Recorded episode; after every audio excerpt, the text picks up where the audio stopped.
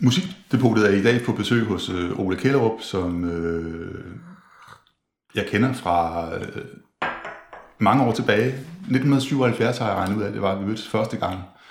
Og øh, den situation, hvor vi mødtes i, der øh, præsenterede du mig for en LP-plade, der hed Kartoffelfolket, hvor vi skulle leve efter musikinstrumenter. Altså, hvad, hvilke instrumenter kan I høre her, sagde du så. Øh, du var selvfølgelig min musiklærer i folkeskolen, teknikerskolen på Fyn, Odense, Dalum. Og øh, en anden episode fra dengang, jeg kan huske, det var, at øh, du skulle sætte os ind i, hvordan vi spillede på trommesæt, og så var vi tre elever, der stod rundt omkring trommesæt. En skulle passe fodpedalen til hi-hatten, en skulle passe øh, stortrummen, en skulle passe lilletrummen. Og så skulle vi få en, sådan, altså tre funktioner til at køre samtidig. i En trommerytme, en rockrytme, tror jeg det var. Og så, øh, så sagde du, øh, det har du anlæg for, Bent, sagde du så. og, og så fik jeg lov til at spille flere af funktionerne alene. Øh, det var jeg meget stolt over, og en af mine skolekammerater, Nils, han sagde senere hen i danskundervisningen, fordi læreren spurgte, det der med at have anlæg for noget, hvad det hedder. Jamen det sagde Ole til Bent her i musikundervisningen forleden så de fik sådan en dobbelt historie, det der. Ja. Så er der gået mange år, hvor vi ikke har set hinanden, øh, og så her for nogle få år siden, så begyndte vi at spille musik sammen med vores tredje gode ven, der hedder øh, Lars Wienberg også. Og så har vi øh, øvet og spillet nogle få jobs øh, inden for de sidste 3, 4, 5 år snart. Ja. Jeg kan ikke huske, hvor lang tid det er. 4, 5. Ja. Cirka. så har vi aftalt med hinanden, at øh, samtalen her skal gå lidt på, at øh, vi taler om den tidlige tid, nogle oplevelser derfra, og, altså med musik og oplevelser. Og så en, et tema, der handler om gode sanger, eller sanger, der betyder meget for os, og instrumentalister og gode koncerter, vi har været til, som betyder noget særligt for os. Og øh, så et emne, hvordan musik og musikudøvelse øh, har betydet noget for dig i livet indtil nu. Og øh, et spørgsmål, der går på den musikpædagogiske opgave, fordi du har selvfølgelig beskæftiget dig rigtig meget med musikpædagogik, og du har også øh, arbejdet rigtig meget som musiker, og sat store øh, musikevents op og sådan noget. Øh, og jeg har også beskæftiget mig med musikpædagogik øh, som underviser på pædagoguddannelsen og som underviser i teoretisk pædagogik på konservatoriet. Så det har jeg også en mening om. Ja. Ja, så jeg vil starte med at spørge dig, Ole, hvad øh, den tidlige tid, har du nogle øh, meget tidlige erindringer om gode oplevelser af musik, du har lyttet på dengang? Jamen det har jeg. Jeg bliver bare nødt til, jeg, jeg bliver bare nødt til at, at, at lige sige en lille ting til den, øh, den instruktion, du gav mig. Fordi jeg sidder jo også, der kører sådan en didaktiker bag i hovedet på mig hele tiden, når du fortæller den om trommerne. Fordi jeg er sikker på, at det var ikke pedalen, det var, man skulle slå på hi Så man skulle slå de tre rytmer, der er på, på et tromsæt. Det var meget, det var meget sådan vigtigt for mig lige at få det sagt. Ja, det tror jeg, det tror jeg du har ret i. Fordi uh, skulle der sidde nogen og lytte og tænker, det, lyder, det vil da lyde mærkeligt med den der pedal, der skal trædes på. Men, uh, men de der tre funktioner i, i trommesættet, det er, det er sådan, det er også lidt en kernesing i, rytmisk musik. Ja. Så jeg giver dig ret i, at det var rigtigt, det du sagde. Ja, det, det var det. Det, det er nok en god idé, når det er en gammel skolelærer, ikke? Nå, men øh, jamen, nogle rigtig tidlige erindringer af musik. Jamen, øh, jeg, er jo, jeg, er jo, øh, jeg skal jo mange år tilbage, jo, så, og, og vi er jo en helt anden tid. Øh, vi er jo lang tid før 77, og det er jo, når man sådan tænker over det, er jo faktisk øh, under, en underlig tid, at, at, at man var i dengang. Altså, alting var helt anderledes. Øh, øh, så noget med at høre radio, jamen det var, min far hørte radio, når han kom hjem til, til frokost, og så bagefter radiovisen kl. 12, så var der jo øh, middagskoncert. Og det var jo klassisk musik, eller sådan lidt populære numre og sådan noget. Så det var sådan, det er sådan noget, det jeg husker, jamen det var, det var i huset. Mm. Men noget andet, der var i huset, som var meget sådan specielt, det var jo, at at vi havde faktisk en båndoptager.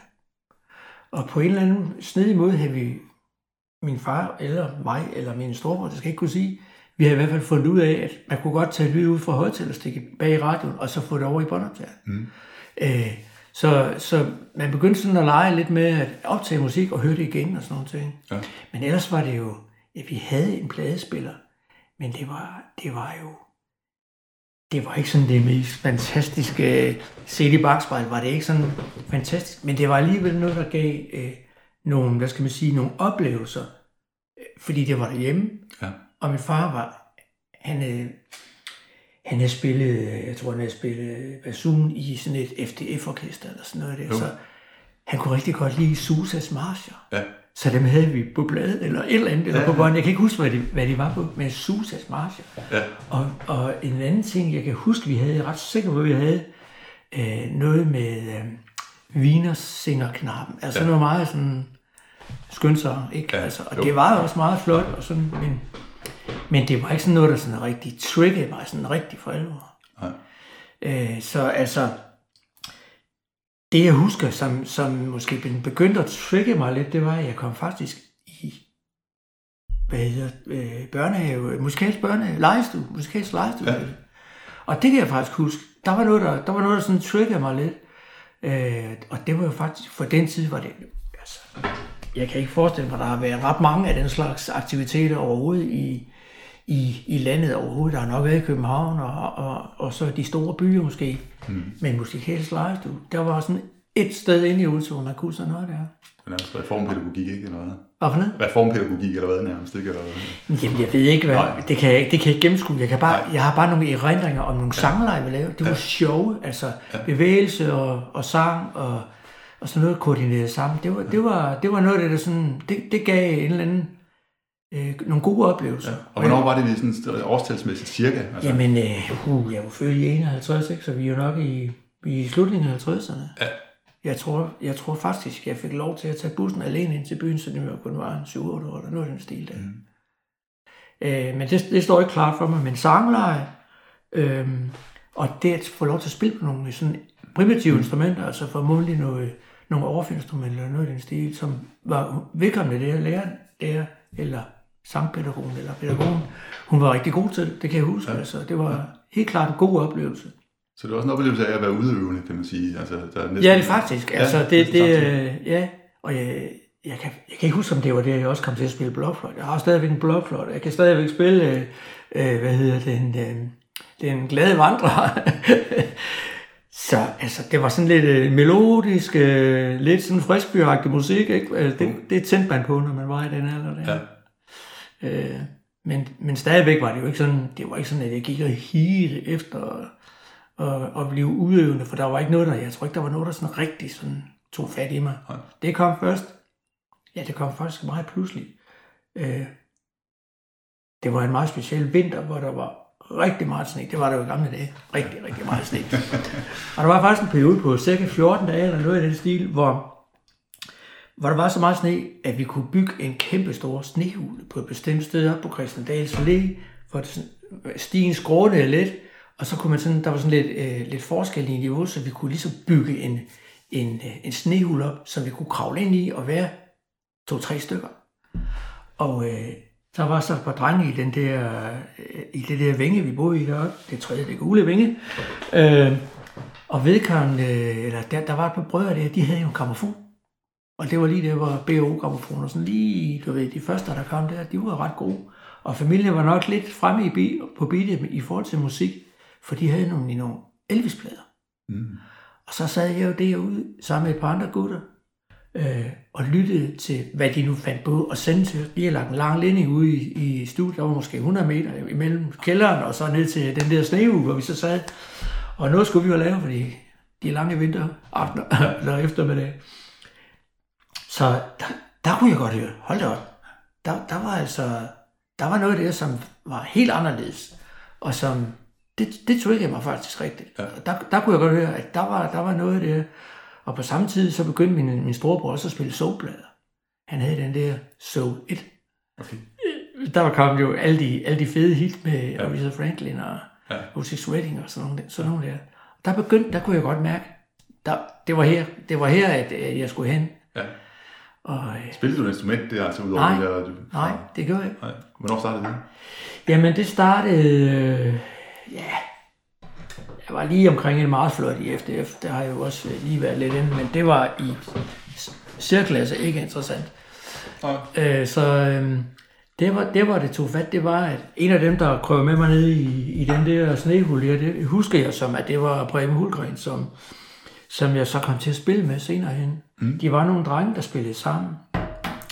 Øh, de var, jeg tror, de alle sammen gik en klasse under mig, men de var, de var, de var ret, de gik til musikundervisning nede ved en eller anden, nede på Dalumvej. Så, og de havde lært nogle, øh, nogle guitarakkorder. De havde tre de var, de var tre, to guitarister og en, og en øh, bassist, og de havde alle sammen nogle skide flot guitar. De var røde alle sammen, og mm.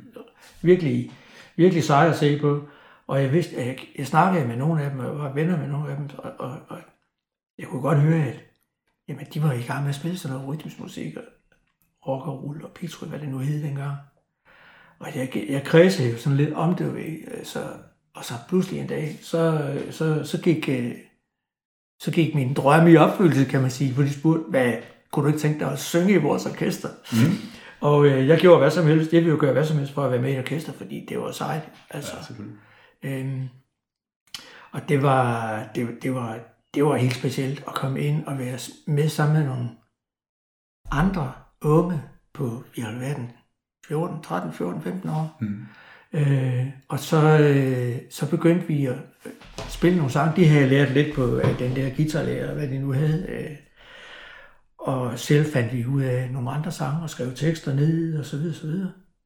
Og så øh, gik det jo sådan, at tromslærer Bremen, han havde, han havde kun en papkasse at spille på, så, så øh, det gik sådan langsomt fremad, men øh, så fik han så en lille trum og en stor trum, eller noget i den stil, og så begyndte det så, så måtte der skride lidt mere, der kom der mere fart på.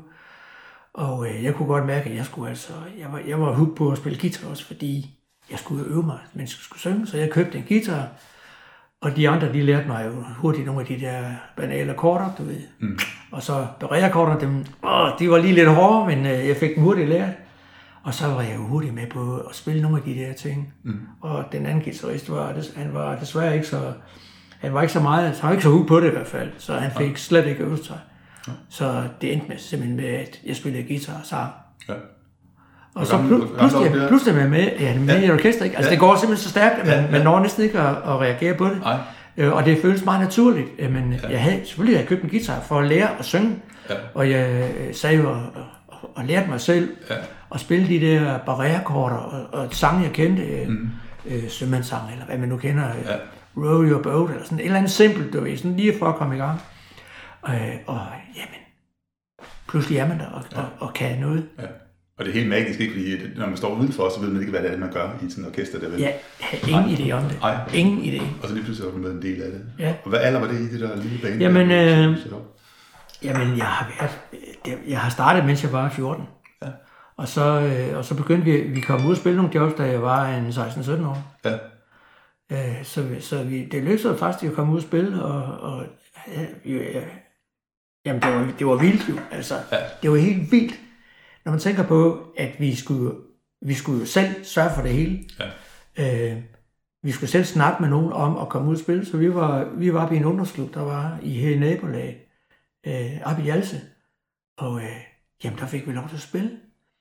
Øh, der har jeg spillet nogle andre, også af de, sådan, af de lokale bands, som var sådan mm. store, som var navne. Altså, mm. øh, på det tidspunkt begyndte det jo, det voksede jo. Ja. Der, var, det, der var helt vildt mange unge mennesker, der begyndte at spille musik. Ja. Og nogle af dem blev gode. Ikke? så øh, det vi fik lov til det, det var jo, det var jo så også et kvantespring, ikke? Altså, jo, jo. man pludselig fik lov til at komme ud og spille. Ja. Vi fik endda lidt for det. Ja. Altså, og så er man sådan en person, der spiller i band, som har ja. en særlig status på grund af det, ikke? eller identitet, eller et eller andet. Helt klart, ja. helt klart. Altså, altså særlig, ikke fordi det er bedre end alle mulige andet, men altså, det har en særlig rolle i ungdomslivet, at man er den, der står deroppe og leverer underholdningen, eller Jamen helt musik, sikkert. Dans, Jamen, helt sikkert. Musik, eller? Altså, det, øh, hvis, man, hvis man som teenager, og det er man, usikker på sig selv, ja. jamen så er sådan noget som at spille musik og, og mærke, at du kan noget, og du har måske også en, en vennegruppe, du støtter dig til i, den, i forbindelse med den der musik der, ja. jamen det, det, det får dig til at stole noget mere på dig selv. Ja, ja. Øh, altså, du tør godt øh, stå lidt mere ved dig selv, når du, når du, når du har det der i ryggen. Ja. Og et instrument som, som overgangskanal. Det er, ja, ja. Det, er ikke, det er ikke dig, der står du, og... Du kan holde guitaren ind foran ja, dig, ja, ja. og så kan man sige, at hvis det er mærkeligt, så kigger du bare på guitaren og siger, hvad er der galt? Ja, det er ikke min skyld. Ja. Så, øh, men det, det, var, det var spændende over, det var, og, ja. og det er mærkeligt, når du sådan spørger til det, fordi man, man går jo ikke rundt og tænker på det på den Ej. måde. Så hvad, hvad var motoren i det? Fordi det, altså, jeg er med på det der med, at øh, hvis man kan få til at lyde ligesom Elvis eller noget rockmusik fra USA eller England, ja. sådan, så, så det er nok det, man stræber efter i starten. Ikke? Altså, op, kan vi selv gøre det her? Var det motoren ja. i det, eller hvad? Ja, altså det, det var egentlig at, hvad skal man sige, eftergøre de numre der, finde ud af, hvad de gjorde, ja. øh, få dem til at lyde sådan ja. i retning af det. Ja. Øh, det, det, der var stor prestige i at kunne spille det faktisk. Ja. Hvis du kunne spille et Kings-nummer eller et Who-nummer, Ja. det var, det var det, i sig selv var en stor ting. Ja, det var ikke så mange, der kunne i sådan en ungdomsflok. Nej, det var der ikke. Altså, der var nogen, der kunne jo... Øh, jeg havde nogle, nogle lokale for, forbilleder, som jeg hørte på en skolefest. Ja. Og jeg tænkte, hold op, de siger jo ligesom på bladen. Det er jo helt ja, utroligt, de kan. Ja, Øh, og det var jo også det, var også det samme, vi forsøgte at gøre. Ja. Altså, det skulle selvfølgelig det skulle ligge tæt op af, og vi skulle helst egentlig kopiere det så godt vi kunne. Ja. Fordi de store navne var jo Ja. det rigtige. Altså. Øh, den, den der tendens med, at, at, at man selv vil frembringe noget, det kom først senere. Altså. Ja.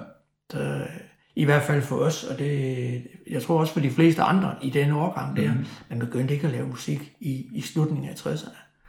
Det var, det kom, jo, nogen gjorde, men øh, det var først lidt senere, at det sådan rigtig tog ved, altså. Ja. Så øh, nej, vi kopierede Ja. så godt vi kunne. Ja. Mm. Ja, med, hvad hedder det, jamen, hvad med dig selv? Har du, øh, har du nogen, udover den, de få op, to oplevelser, jeg har givet dig, har du da nogen øh, ja, tænkt, dig- ja, jeg tænker, der er noget, der startede før. Ja, ja, det har sagt lidt før, ja. Øh, og lytteoplevelser. øh, Meget pudsigt har jeg også gået ind i en musikalsk lejestue, og måske ja. det er den samme, jeg ved ikke, der samme adresse, men det hed musikalsk lejestue Ja. ja. også. Øh, og der har jeg været meget, meget lille, der har jeg været tre år eller sådan Ja. noget. Ikke? Okay. Og jeg kan ikke huske ret meget af det, andet end at sidde i et lokale og spise leverpostej med, eller, eller, altså, Okay. jeg kan simpelthen ikke huske musikdelen eller noget andet. Nej. Det var sådan et meget hyggeligt sted, et meget stille og roligt Ja. sted og hyggeligt. Øhm, men så jeg kom i børnehave, det var Dalum Børnehave inde på Dalumvej, og der var der en spolevolontær, når man skulle have noget rytmik inde i sådan et rytmiklokale, hvor en spolevolontær, som havde noget øh, musik, som jeg er 100% sikker på var In the Mood med Glenn Miller. Okay. Og det var noget, også noget, min far kunne lide derhjemme. Jeg tror, Ja. ja. han, han havde det ikke derhjemme, men han, han talte måske om det. Ja. Sådan noget big band jazz, swing jazz, ikke? Ja. Og det, det synes jeg var fed musik, altså. Ja. Virkelig fed musik. Øh, derhjemme havde vi en spolehåndtager, hvor min far havde noget kirkeorgelmusik på, og noget Okay. klassisk musik, øh, barokmusik og sådan noget, kunne han vældig godt lide at lytte på. Og så havde vi en gramofon, sådan en lille rejsegramofon-agtig ting, hvor vi havde øh, øh, le- lejestue, øh, tv, radioprogram, Lillebrors lejestue, Ja. ja. eller sådan noget, ja. på små singler og sådan noget. Sådan ting der. Ja. Ganske få ting, og ganske få muligheder for at lytte til musik. Men det var noget, der var rettet mod børn. Ja, tænker det var det dog, ikke? Altså, ja. der var nogle ganske få øh, Ja. singler der, så det har været i starten af 70'erne, vil jeg tro, Ja, ikke? Øhm, og så meget pudsigt, der er ryddet op i min mors hjem her for nogle år siden, efter hun havde boet der i 50 år, så var der spolebånd, jeg ikke kunne finde, som jeg husker fra min barndom, så fandt jeg det den dag der, så jeg blev virkelig glad for, at jeg så digitaliserede det. Og jeg regner med, at jeg lægger det ind over noget af det her, fordi det passer egentlig meget godt, fordi øh, når vi taler om det der med de tidligste erfaringer med at være udøvende, det, vidste, det vidste jeg ikke var dengang, vel, men altså, det er jo også det der med at have haft muligheden for at bruge det som leg og sådan noget. Ikke? Ja. Min farmor havde været i Spanien eller Marokko eller sådan noget, og købt en skildpaddeskjoldsgitar. Okay. Det, ja. ja. duer, det duer ikke i dag, vel? Altså, men øh, det kunne man dengang. Ja. Skildpaddeskjold, der var sat et gribebræt på, og skin hen over skildpaddeskjoldet, og så var der fire strenge på, nøglestrenge eller stålstrenge. Og så min far han så spolehåndtager, Philips spolehåndtager med en enkelt monomikrofon, og så ville han optage og synge og spille. Min søster og jeg. Og det var ikke særlig pædagogisk, der skulle bare ned i kassen og sådan noget, ikke? så det var meget instruktivt, sådan noget, spil nu, spil nu, spil nu, band, og sådan noget. Jeg Ja. spillede ikke noget spil, jeg lavede ikke meget, og kom nogle glemte lyde. Ikke? Men det kan man ikke rigtig sige at være udøvende, men sådan i cirka 10 års alderen, 7-10 års alderen, der øh, blev vi interesseret, min søster og jeg, i at spille elorgel, og så gik vi på øh, Hagstrøms musikskole øh, hen på Dalervej øh, og spillede elorgel der nogle år. Og det var jo det, det var jo magisk på den måde, at elorglet var et forholdsvis nyt instrument, i hvert fald sådan, som folkeinstrument. Jeg ved godt, man har haft det tidligere i 50'erne, 60'erne, også i biografer og 40'erne og sådan noget, men sådan som folke, eller afløseren for klaveret, tror jeg, det var det Ja. i 70'erne. Og der var rytmeboks, og det, man kunne trykke på knap, og det sagde mærkelige lyde og sådan noget. Ikke? Det blev meget grebet af, at øvede masser, spillede meget intens på det i fem år eller sådan noget. Ikke?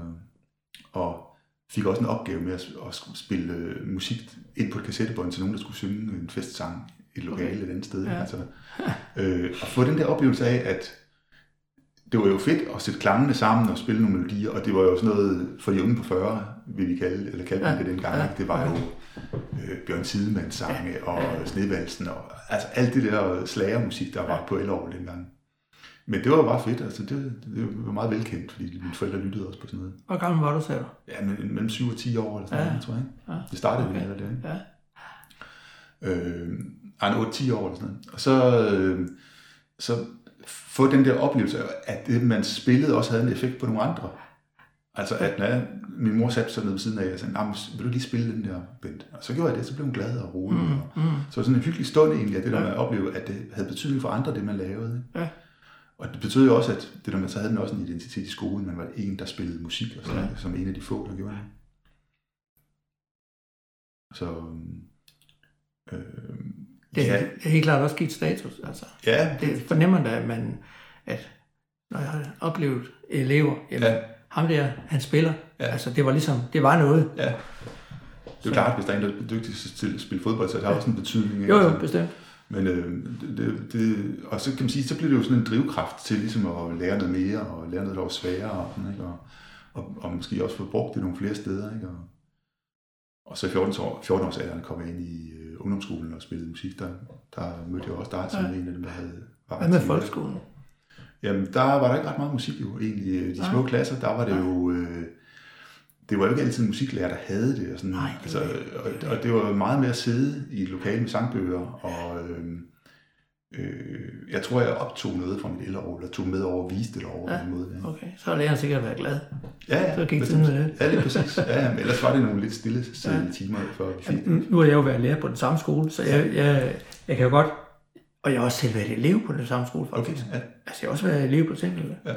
Øh, så jeg mødte jo min gamle lærer, da jeg kom tilbage. Ja. Men, men jeg kom bare til at tænke på, vi, jeg er jo heller ikke nogen musiklærer. Sådan. Altså, jo, der var en, der kunne spille violin, Ja, men det kunne vi jo ikke bruge til noget. Nej. Altså, det var, jamen, han, kunne, han kunne spille øh, sådan lidt folkemusik måske, ja. eller sådan noget. Det var, det var det tætteste, vi kom på noget, der var, der var noget.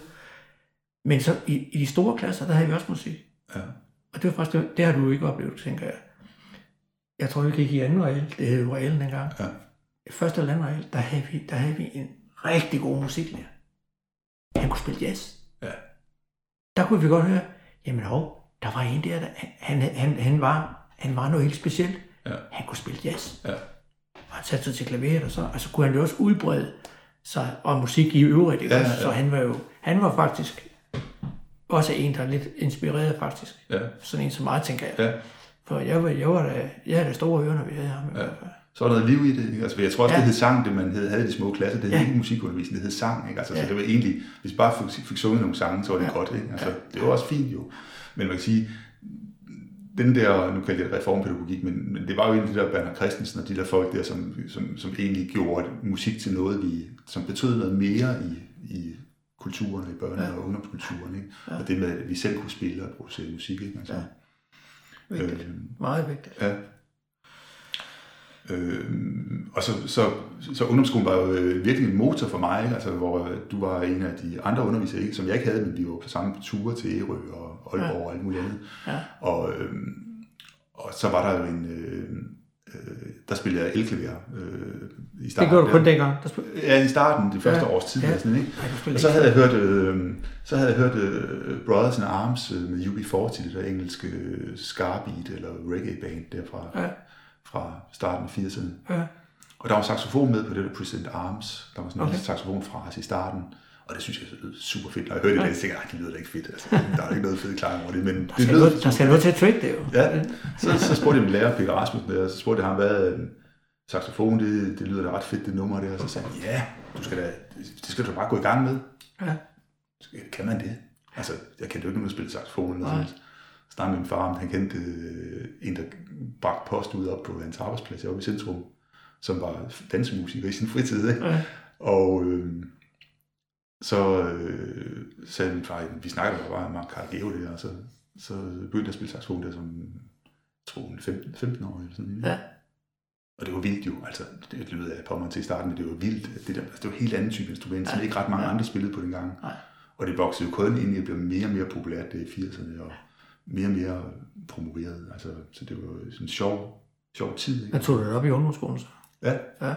men altså gik til undervisning hos en dansemusiker, en slagermusiker, ikke? Altså, Ja, som spillede ja. Danse med i Lykken og alle mulige andre gamle slager. Ja. Altså, han tog bare sine noder fra hans dansorkester, så kunne vi stå og spille det. Jo, altså. Ja. Så var han uddannet i klassisk violin, så tog vi duetter fra hans øh, konservatorietid, som vi skulle spille, altså violin Okay. okay. på saxofon. Ah, okay. Men altså, Ja, ja. så startede vi der. ikke? Ja, ja. Det var sjovt. Ja, hvad hedder det? øhm, Øh, hvad, hvad for, altså, hvad du begyndte, du kom med i et orkester, gjorde du ikke? Jo. Ja. Jo. Altså øh, ungdomsskoleorkester først, ikke? Altså, Ja. var sådan en ungdomsskoleband. Ja. Ja. Øh, Led, ledte det frem til noget, noget, eller var det, kom det senere, eller hvad? Ja, kom kan sige, det, der? altså det, man kan sige, det at man, det er den samme oplevelse dem, som dig, det at man selv kan lave det der musik der, altså Ja. selv kan udføre det, og det er selvfølgelig er det svært at få det til at fungere sammen, og sådan, men at det kan lade sig gøre alligevel, og gennem nogle år at øve, og, og få de der oplevelser, og være ude og spille, og øh, ligger lige nogle, nogle hippier i gymnastiksalen med lange jakker på, øh, for at se cool ud, øh, altså til de der ungdomsskole-rockfestivaler der, ikke? Altså, Ja. det var også en identitet jo, ikke? Altså at have, altså at, være noget, ikke? Altså, Ja. hvor alle andre i lokalområdet dyrkede sport, så var de noget der, ikke? Det var så min, min ting, det der, ikke? Altså, så øh, det var ikke mine nære venner, de der musikkammerater, men vi var utrolig meget sammen, også privat nogle gange, ikke? Altså, øh, øh, så det der meget lige over der, altså, det var nogle fyre, der var lidt De blev vel venner, gjorde de ikke det? Nej, egentlig ikke rigtigt. Ikke så meget, nej, nej. nej, nej, det var mig, der sådan pressede lidt på i gang, men vi holdt lidt fester sammen og sådan noget, Ja. men, men egentlig var det, egentlig var det, de var et helt andet sted, altså de var Ja. ja. halvanden år ældre end mig, eller sådan Nej, noget, men, øh, ja, okay. men super sjovt, altså, Ja. ja. vi havde super fedt sammen. Øh, også sådan lidt miljø med jer lærer, hvor man kan sige, at, at man gav lidt ekstra, altså oplevede vi, ikke? fordi det var Ja. ja. interessebordet for jer også, ikke? Altså, så, så det nærmede sig mere et, et venskab, uden det var det med lærerne, men det, der, man kom tættere på sin ungdomsskolelærer, end man gjorde på sin folkeskolelærer. Ikke? Altså, Ja. Fordi alle Det gør var, der, var der af samme grund. Ja, præcis. Og læreren gad at være der om aftenen og i weekenden Ja. og alt muligt andet. Men det var ret væsentligt også her, at, at grunden til, at, at, det, at matchet også var godt, det var også fordi, alle elever kom jo, fordi de gerne vil være der. Ja, I modsætning til ja at komme i folkeskolen. Ja. Det er jo ikke, fordi folk absolut vil have de enkelte fag hver for sig, nej. øh, isoleret set. Men, og, og nogle gange så, altså, både folkeskole og gymnasie også, altså et eller andet sted, så skal de jo være der. Ja. Skal jo ikke være i gymnasiet, men det, er der, der er jo pres på for, at de skal være der, kan man Ja. sige. Så lærerrollen er jo en helt anden i sådan noget øh, Ja, tvungen undervisning, ja. altså noget pligtagtigt noget. ja, Det her musikundervisning, vi havde i ungdomsskolen, det var jo 100% kun fordi folk havde lyst til det. ja, Og også fordi de, altså både fordi folk kendte hinanden og trak hinanden med ind, ja, men også det, at der kom altså enkeltpersoner ind isoleret set, og Ja. pludselig kunne fungere i en, øh, ja, i en ny gruppe, Ja. og, og, og det, det lykkedes jo stort set altid ja. at få det til at fungere. Og så var det jo fedt det der med at se, jer lærer, I øh, havde jo også bands, I spillede professionelt i, i jeres fritid, eller Ja. ja. nogen var også udelukkende musikere, ikke? Altså Jo, jo. levede, levede af det, ikke? Ja. Øhm, og det vil sige, så, kom man, tog man med sit band ud og så lærerens band, eller nogle Ja. ja. af de andre lærers band, ikke? Altså, nogle gange spillede de også til fester og sådan noget, ikke? Altså, så på den måde var det jo en kæmpe stor inspirationskilde i forhold til at sige, at musik kan godt være en karrieremulighed også, ikke? Altså, at så nogle fornuftige mennesker, som opførte sig ordentligt, som, som spillede musik, øh, som levede af det, ikke? Altså, Ja. ja. ja. det var da en stor inspiration til ja. at både, for mig både at spille musik og være blive udøvende, og så også at, at beskæftige mig med musikundervisning ja. senere hen. Hvad, hvad, hvad, hvad skete der så øh, altså efter ungdomsskolen? Hvad så? Altså, Jamen så, øh, ja, hvad skete der så? Så var det jo, kom jeg i gymnasiet og, og øh, mødte jo også øh, mødte jo vores anden musikven, det er Lars Wienberg, som vi spiller Ja. sammen med vores lille trio, ja, ja. øh, til noget frivillig musik, og, og det med, at, at det, det, det rykkede tættere på det der med, at det var et universitetsfag, og sådan noget kunne man Ja. godt mærke, Ah, der okay. noget musikhistorie Okay. og, og analyse og alt sådan noget. Ikke? Okay. Øhm, Jeg kunne ikke have det som linjefag, det fandtes ikke, men så var der også noget fritidsmusik der, det var nok det, der trak mest. Ikke? Ja. Altså på gymnasiet? eller Ja, ja julerevyorkester ja, og sådan, ikke? Ja. Og så de der engagerede lærere, som lavede noget i fritiden. Det Ja. det var super fedt, altså. Ja. Men det, var først, da jeg sådan, altså for alvor band, det var sådan først øh, i starten af 20'erne, tror jeg, sådan noget soul band. Og, Okay.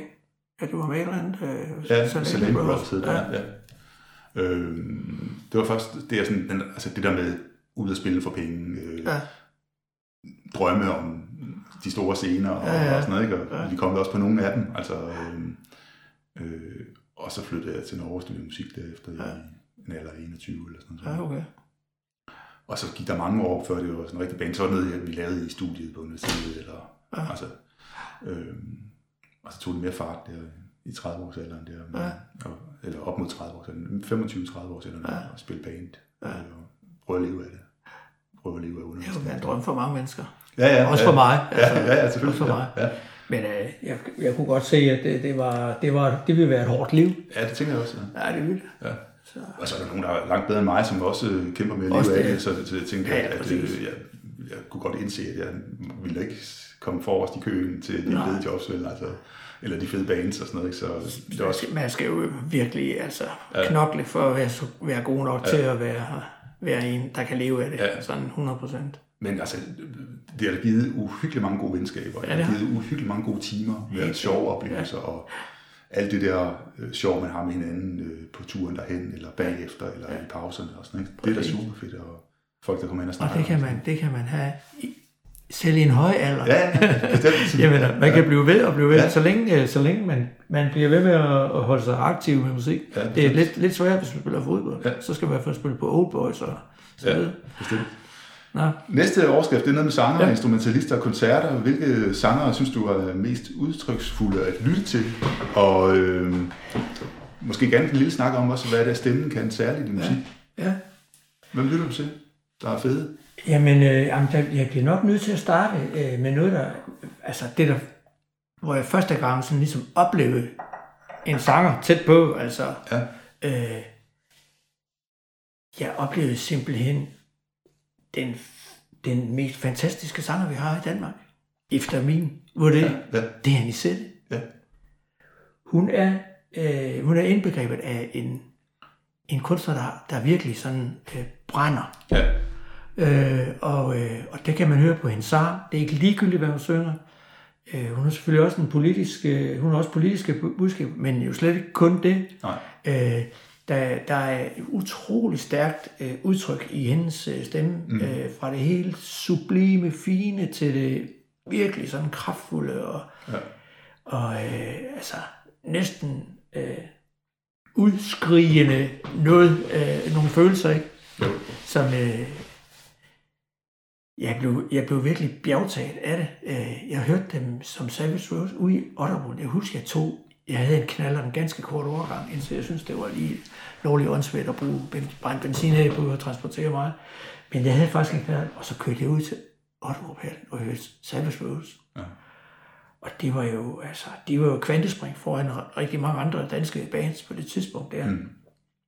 Så altså, og jeg kan huske, at jeg tog det ud alene af en eller anden grund, så jeg havde ikke nogen, øh, jeg havde ikke nogen, der kunne øh, tage med. Og jeg ville bare ud, jeg ville bare ud og høre det der. Ja. Og jeg blev, jeg blev helt, altså... Jeg, jeg, jeg forsvandt helt ind i musikken, altså. Ja, ja. Og, og sjovt nok oplevede jeg hende også øh, en del år senere. Øh, jeg har faktisk oplevet øh, nogle, nogle flere gange jo. Men øh, inde i Fyns Forsamlingshus på et tidspunkt, hvor de, var, hvor de havde taget et skridt øh, i, i en ny retning, eller hvad skal man sige, men hendes stemme var der stadigvæk. Ja. Fuldstændig vild power på stemmen. Ja. Og øh, endnu mange år senere har jeg hørt den op i, øh, op i uh, Odense Koncerthus, hvor, hun jo også, hvor lyden jo så ovenikøbet var jo rigtig fin og sådan noget der. Der må jeg indrømme, og så er jeg jo lidt med tårer i øjnene, fordi ja. det, er, det, det, går, det er stærkt. Altså, ja. Det er stærke sager, ja. når man går ind og hører hende sætte. Det ja. er det altså. Ja. Så, så der, det, det, er sådan, det var noget af det første, jeg sådan rigtig sådan kunne mærke. Men ja. siden er jeg jo blevet klogere også, ikke? Og, og lyttet til rigtig mange andre. Og Lisa Franklin selvfølgelig er jo helt klart en af mine, mine store favoritter. Mm. Men øh, jeg har også... Øh, jeg skal også nævne en anden ting, som jeg sådan rent sangmæssigt er, er kommet på sporet af. Øh, jeg kommer en del i Spanien. Mm. Øh, min kone har jo øh, en forbindelse der, som, som har også inspireret mig, og når vi har været i Spanien, så har vi hørt meget musik også, og vi har hørt meget flamenco. Desværre har jeg ikke hørt ham her live endnu, men jeg føler næsten, at jeg har været det. Øh, det er en fyr, der hedder Sigala. Mm.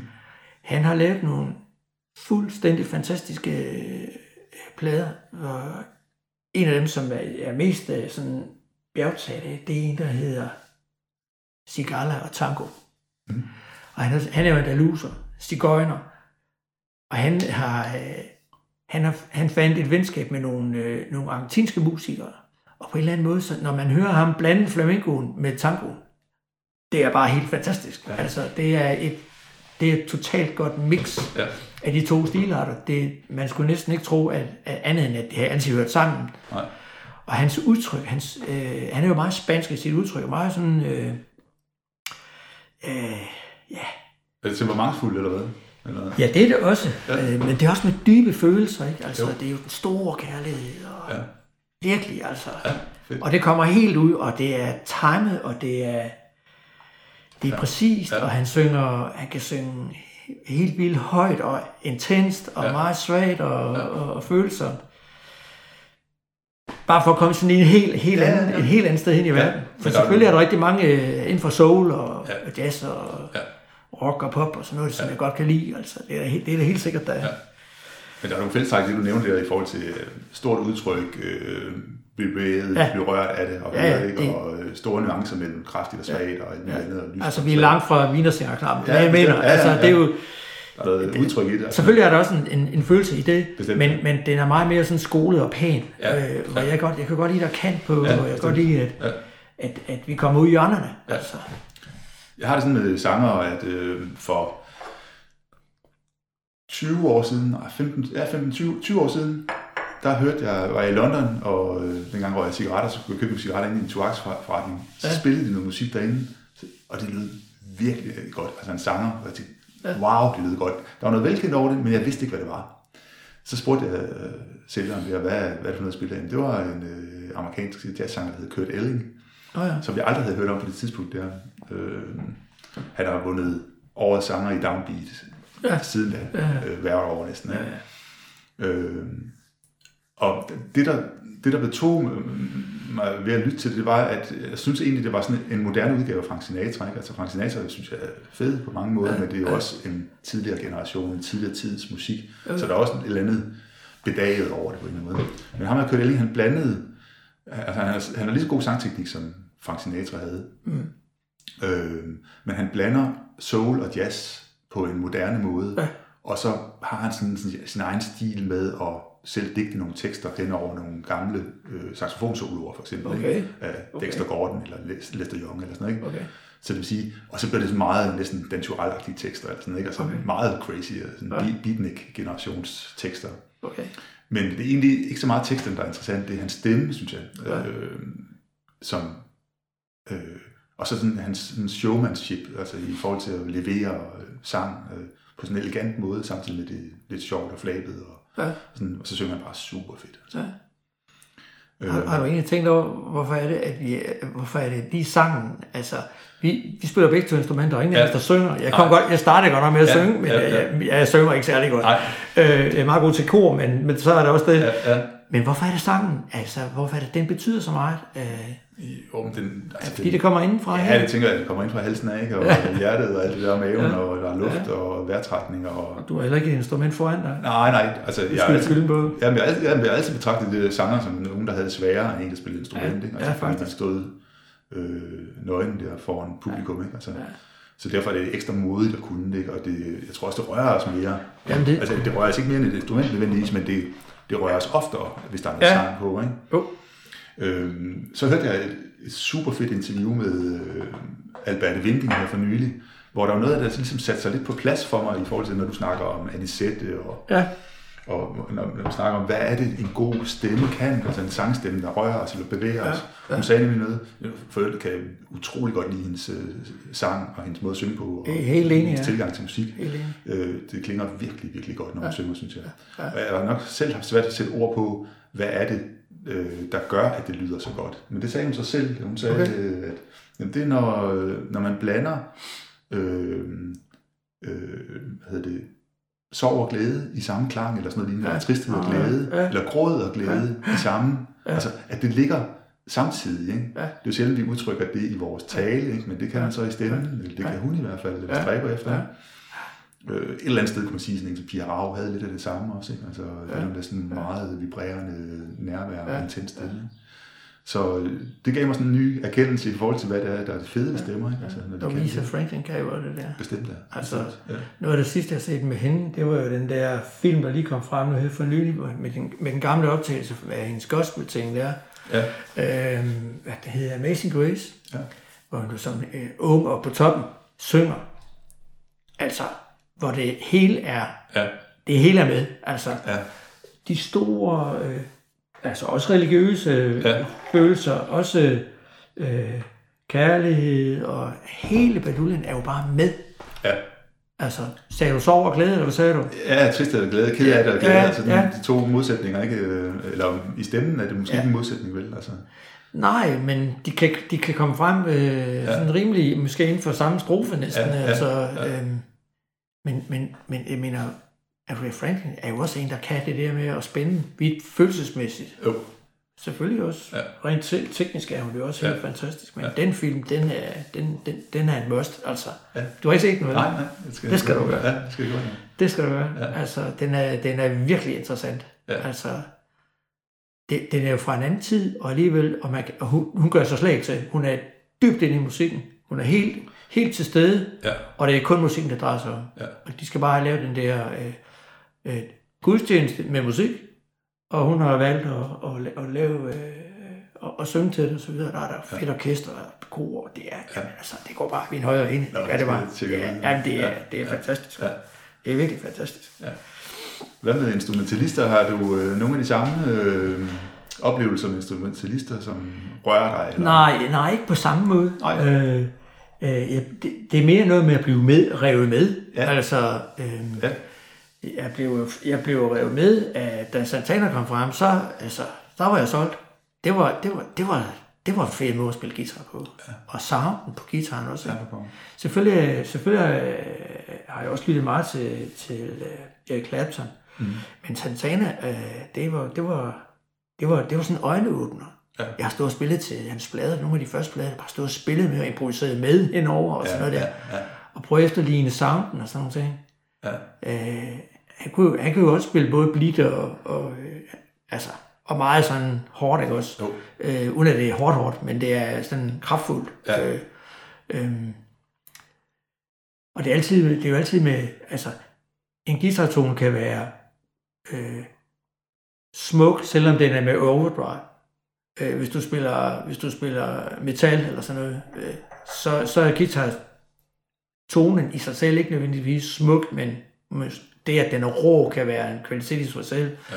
Men, men, øh, men Santana har jo ikke en rå tone sådan på den måde. Den Nej. er, den er sådan mere til, til, til den overdrive side, hvor ja. den er sådan lidt, lidt forvrænget, men ikke, ikke irriterende. Og så kan han så lave nogle, nogle særlige løb og nogle særlige øh, teknikker og vibrato og ting og sager, som, som gør, at den får et særligt liv. Ja. Så det, det tændte mig i hvert fald. ja. Det synger meget sådan, øh, på en eller anden måde. Ja, ja, altså han bruger feedback jo til Ja. at få, få den til at få tonen til at stå og, og, og køre Ja. i, i lang tid. Ja.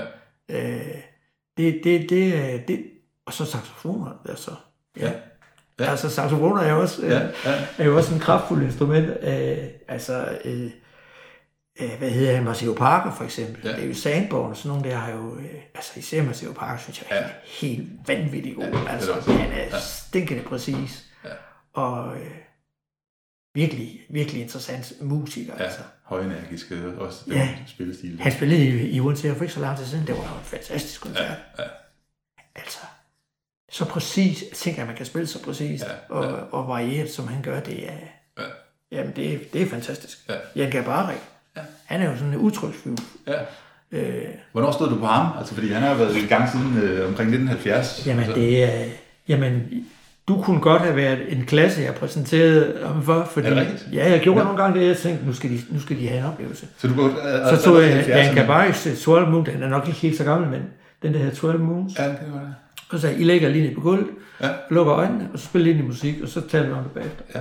Og så satte jeg sådan noget musik på, sådan noget meget svævende, og det tog lang tid. jo. Det var så Ja, ja, ja. 10 minutter, og de løb ja. bare stille og lyttede. Ja. Det var fantastisk. Ja. Det var nogle fantastiske snakke, der kom ud af det bagefter. Ja.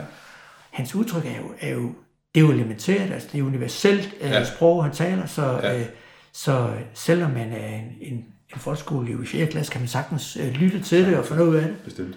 Så øh, det, det kunne man jo ikke gøre på samme måde med, med David Sandborn. Det tror jeg ikke, der, det er sådan lidt mere intellektuelt, kan man sige. Ja, det var Øh, det. Ja. Og, men altså, ja. Ja. Men saxofonen er bare sådan et øh, Ja. rigtig godt instrument, altså. Ja, ja. Der er nogen, der siger, at saxofon og celloen er det, der kommer tættest på menneskestemmen. Det er ikke det nødvendigvis Gjorde det helt det? sikkert. Det er Jamen, når, du, når du lytter på noget af det her, Ja, det, ja. dem vi nævner her, så er det jo, ja, ja, ja, de kan tvinge nogle mærkelige toner ud af det der. Bestemt, ja. Lyde ud af ja. Så da jeg begyndte at spille saxofon, så begyndte jeg selvfølgelig at lytte til saxofoner, så det har selvfølgelig fyldt meget i min musiklytning, ikke? Og bare Ja. finde, finde ud af, hvad er det for et fænomen, det der saxofon, Ja. hvem er der gode Ja. at lytte på, og hvad, Ja. hvad, alle de der forskellige typer udtryk, saxofon Ja. kan have, lige fra klassisk til rytmisk og rock og pop og jazz og alt muligt andet, ikke? Øhm, så efter at have spillet hos en dansemusiker i mange år, så han var sådan lidt ligeglad med, hvilken musik de spillede, fordi det var bare det var klassiske noder, eller det var dansemusik noder. Det havde ikke ret meget med saxofon at gøre, Nej. andet end at selvfølgelig, hvis man spillede fransk musik, så var det fedt med saxofon og harmonika og sådan ikke? Men, men han havde ikke sådan en saxofonist-identitet. Han, han var dansemusiker. Han Ja, spillede både, ja, han spillede violin og saxofon og Ja. klarinet og sådan noget. Det var lige meget, hvad han spillede på. Ja. Det var musik, det handlede om. Ja. Ja. Men så fik jeg begyndt at få undervisning af Morten Øberg, der, der var han i 19-20 års alderen. Sådan, ikke? Og der, øh, han var jo, eller er jo en dygtig saxofonist, som også har en, altså, dyrket instrumentet for det, det er. Altså, Ja. at så, så dyrker man klangen, og det, at man spiller saxofon, og er super god til det. Ikke? Øh, det inspirerede mig meget. Han spillede nemlig klabarik for mig der for første gang. Så, han? ja, fordi jeg var, måske har du spillet det for mig i folkeskolen, men jeg har glemt det. Men Ej, han spillede det for mig, og der, der, der, i, der er jo i, i 20 år siden, der, det synes jeg virkelig var fedt. Ja, Altså. Helt vildt fedt. Ja. Det var den der kæmpe store klang. Sagde du, du var 20, eller hvad? Ja, det er omkring 20 år. der er du også der er du rigtig modtagelig, kan man sige. Altså, Ja, bestemt, Måske ja. også lidt før, altså, men Ja. Jo, jeg lyttede til mange andre saxofonister før, men det var jo bare, hvad jeg selv kunne finde ud af. Det Ja. var jo Michael Breaker og Wayne Ja. Shorter i Ja. Weather Report og sådan ja, noget. ja, øhm, som jeg synes var super fedt. Altså. Ja. Men, men øh, det der Gabarik, det var bare lige mig. Altså, Ja, det var en fed stil, synes jeg. Ikke? Altså, øh, den der lidt mere rolige og eftertænksomme Ja. og langsomme. Det passede godt Nordisk til mig, også. Ja, nordisk også. Ja. ja, det er jo det. Og det gjorde jeg også, altså den interesse øh, gjorde jeg også, at jeg begyndte at orientere mig mod Norge, og begyndte at flytte til Norge og studere Ja, musik okay. deroppe, ikke? fordi Ja. jeg synes, de havde den der fede blanding mellem, øh, mellem saxofon, eller mellem folkmusik og, Ja. og jazz. Der var de lidt længere fremme, end vi var her på det tidspunkt. Ja, Ja. okay. Så det ville jeg gerne finde ud af, hvad handlede det om. Ikke? Altså, Ja. er den der meget rige folkemusiktradition, de har. Så når man lytter til Gabarik, så er der utrolig meget norsk, øh, hvad hedder det, øh, norsk tonesprog i det. Ja. Ja. Øh, blandet med sydamerikansk, når han spiller med latinamerikanske musikere, og Ja. blandet med Ja. ja. klassisk og alt muligt andet. Der er nogen, der kalder, kalder ham for sådan en øh, new romantics, altså, altså Ja. ja. ny, ny romantik inden Ja. ja. for rytmisk musik. Øh, så der er noget drømmende i det, ikke? Altså, Ja, det er det. det er helt vildt. Ja. Ja. Altså. Det er utroligt smukt, det han laver. Ja. Man, Og man, man man tænker kun på store fjelde og Ja. store... Sådan. Ja, men altså instrument, instrumentalister, som virkelig har rørt mig, det er jo ikke altid dem, jeg har lyttet mest til. Altså, Nej. Coltrane og Michael Brecker, sådan, synes jeg er fantastisk fede, og Lester Ja. og sådan. Ja. Eller hvad hedder det, øh, Dexter Gordon og sådan noget. Men, men jeg var til en koncert med øh, Jørgen Emborg kvartet, eller sådan noget, Mona Larsen, Jørgen Emborg og en bassist og en trommeslager, så Thomas Frank på saxofon, Ja, okay. hvor at jeg var der alene, og den aften der, det var i Aalborg i slutningen af 90'erne eller sådan noget, ikke? Øh, der havde sådan, det skar ind i brystkassen, det der saxofonspil der, altså på den, på den fede måde, Ja, ikke? Altså, det, det brændte ind i brystkassen med varme eller sådan noget, ikke? Ja. Han spillede, altså, det er svært at se billeder på andet end en, en følelse af, at han spillede med så skarp en, en projektion, eller man kan sige, en, en, en tydelig og kernefuld tone, at, at det simpelthen var så betagende. Altså, det var ligesom det isnede ind i kroppen. Ikke? Altså, så det er jo ikke kun instrumentet, det er også nogle gange den musik og den aften, den situation, man Ja. ja. selv er i den aften, Ja, ja. ikke? Altså, som øh, gjorde, at det var virkelig en intens oplevelse. Og dem har man jo desværre sjældent, synes jeg. Altså, der, hvor det, det, virkelig sker, ikke? det sker en sjældent gang imellem, Ja, ja. og når man, når, man, når man er der, så ved man det. Ja, og det sker måske mindre og mindre. Måske var det den der bet- Ja. ungdomsbetagethed, eller åbenhed for det, eller sådan noget. Det kan komme som lyn fra en klar himmel. Ja. Det Men du, sagde lidt, da vi snakkede sammen, vi var ude på en gåtur i vendet ærne, så sagde du det der med, at øh, du havde været i Spanien her i Ja, ja, en musikfestival, hvor du havde haft en eller anden intens oplevelse. Ja, det er rigtigt. Det er rigtigt. Jamen, øh, jamen det, var også, det var også en af de der øh, helt store oplevelser, men så, når man, når man er i det, kan man godt mærke, at nu er, nu er den der på en eller anden måde. Mm. Og det, der var der, det var, det var en koncert med, med øhm, en, der hedder Richard Bona, øh, en bassist fra, ja, hvor sådan er han fra? Det kan jeg ikke lige huske. Øh, et eller andet øh, afrikansk, afrikansk land, nede midt i Afrika et sted. Ja. Øhm, jeg ikke sikker på, at han er fra Mali, ligesom en, en anden musiker. Han også spiller lidt med en gang med en Salif Keita.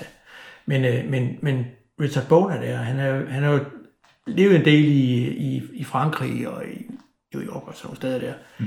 Men han er stadigvæk, han er stadigvæk afrikaner. Ja. Og så havde han, lavet, så havde han fået lavet et orkester, øh, hvor, det, hvor de var tre sanger. Mm.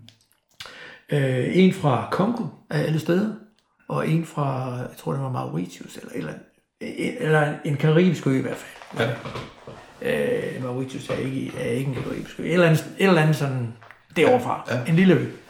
Øhm, og de tre der, de kom så med, med tre der, hver deres input, og så havde de et orkester med sig, og de var virkelig velspændende. Og Richard Boner, han spillede så bas, men så stod og sang alt det her. Han kan jo han kan begge dele rigtig godt. Ja. Og der var den her koncert, og alle spanierne er jo meget sådan udadvendte folkefærd, de, de, var jo de var med på, på galejen. Det var den, det ene fede nummer efter det andet, og flotte solo, og jeg skal komme efter dig. Og de var så, de var i godt humør, og alting spillede rigtigt. Ja. Og det var en fantastisk koncert, og, og folk de nød det, og man gik ned og købte sig en, øh, en drink, og satte sig tilbage igen på stolen, og hyggede sig med sidemanden, og alting var bare i hak. Ja. Og øh, de spillede en ret lang koncert. På et eller andet tidspunkt, så er det selvfølgelig slut. Okay, så klapper det er jo, så klapper vi, det gør vi jo. Mm. Og man vil gerne have et ekstra nummer. Og det fik vi også, jeg tror, det er et par stykker eller noget i den stil.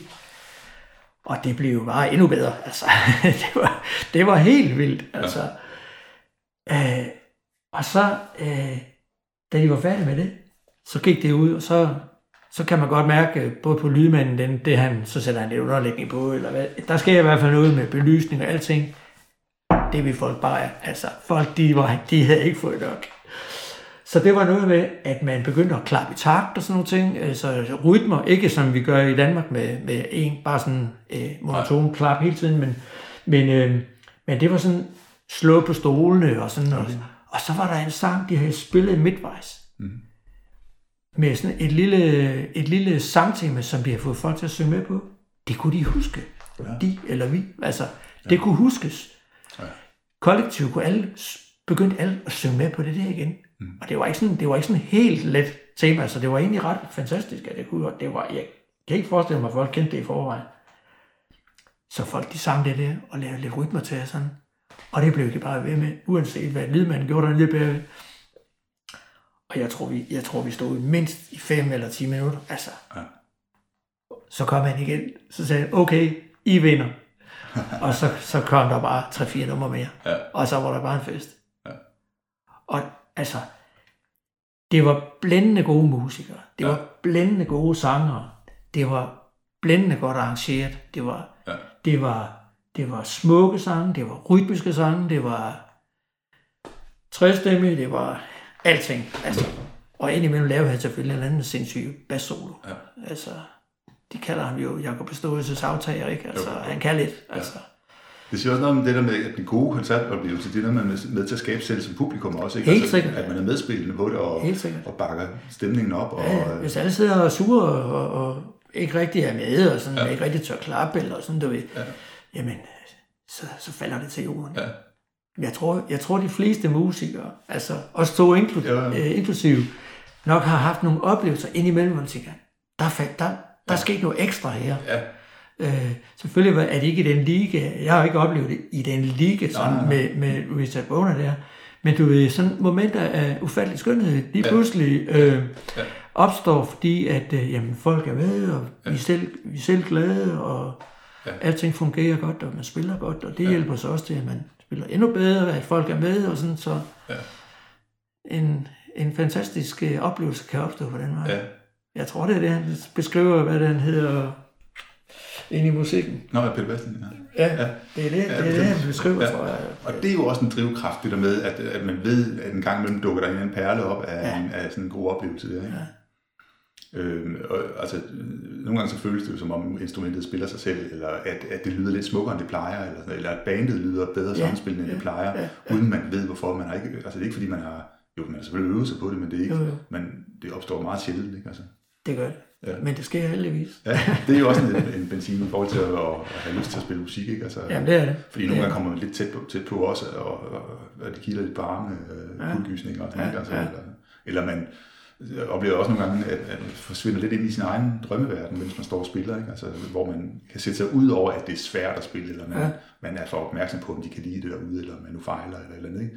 Men man kan glemme det lidt, og så bare Ja. ja. sige, at det her, det lyder da så godt, som jeg kan få det til lige nu. Ja. Så er det en fed oplevelse, Ja. synes jeg.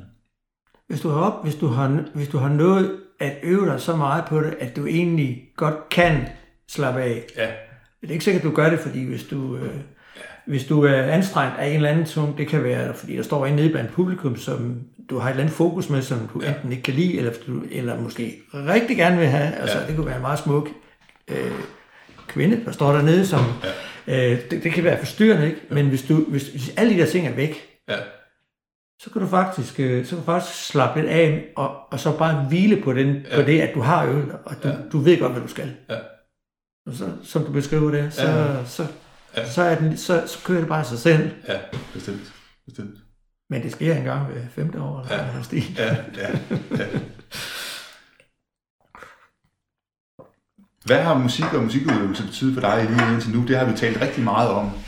Ja, Øh, og, og, og, altså, og jeg har snakket om det der med, altså der er alle de der oplevelser, man har, altså, som med selve musikken, så er alt det, der ligger udenom, altså det, der går mange gode timer med mange gode mennesker, ikke? Og, Ja. Hvad tror du, det sådan betydet for dig sådan på sådan et stort generelt plan?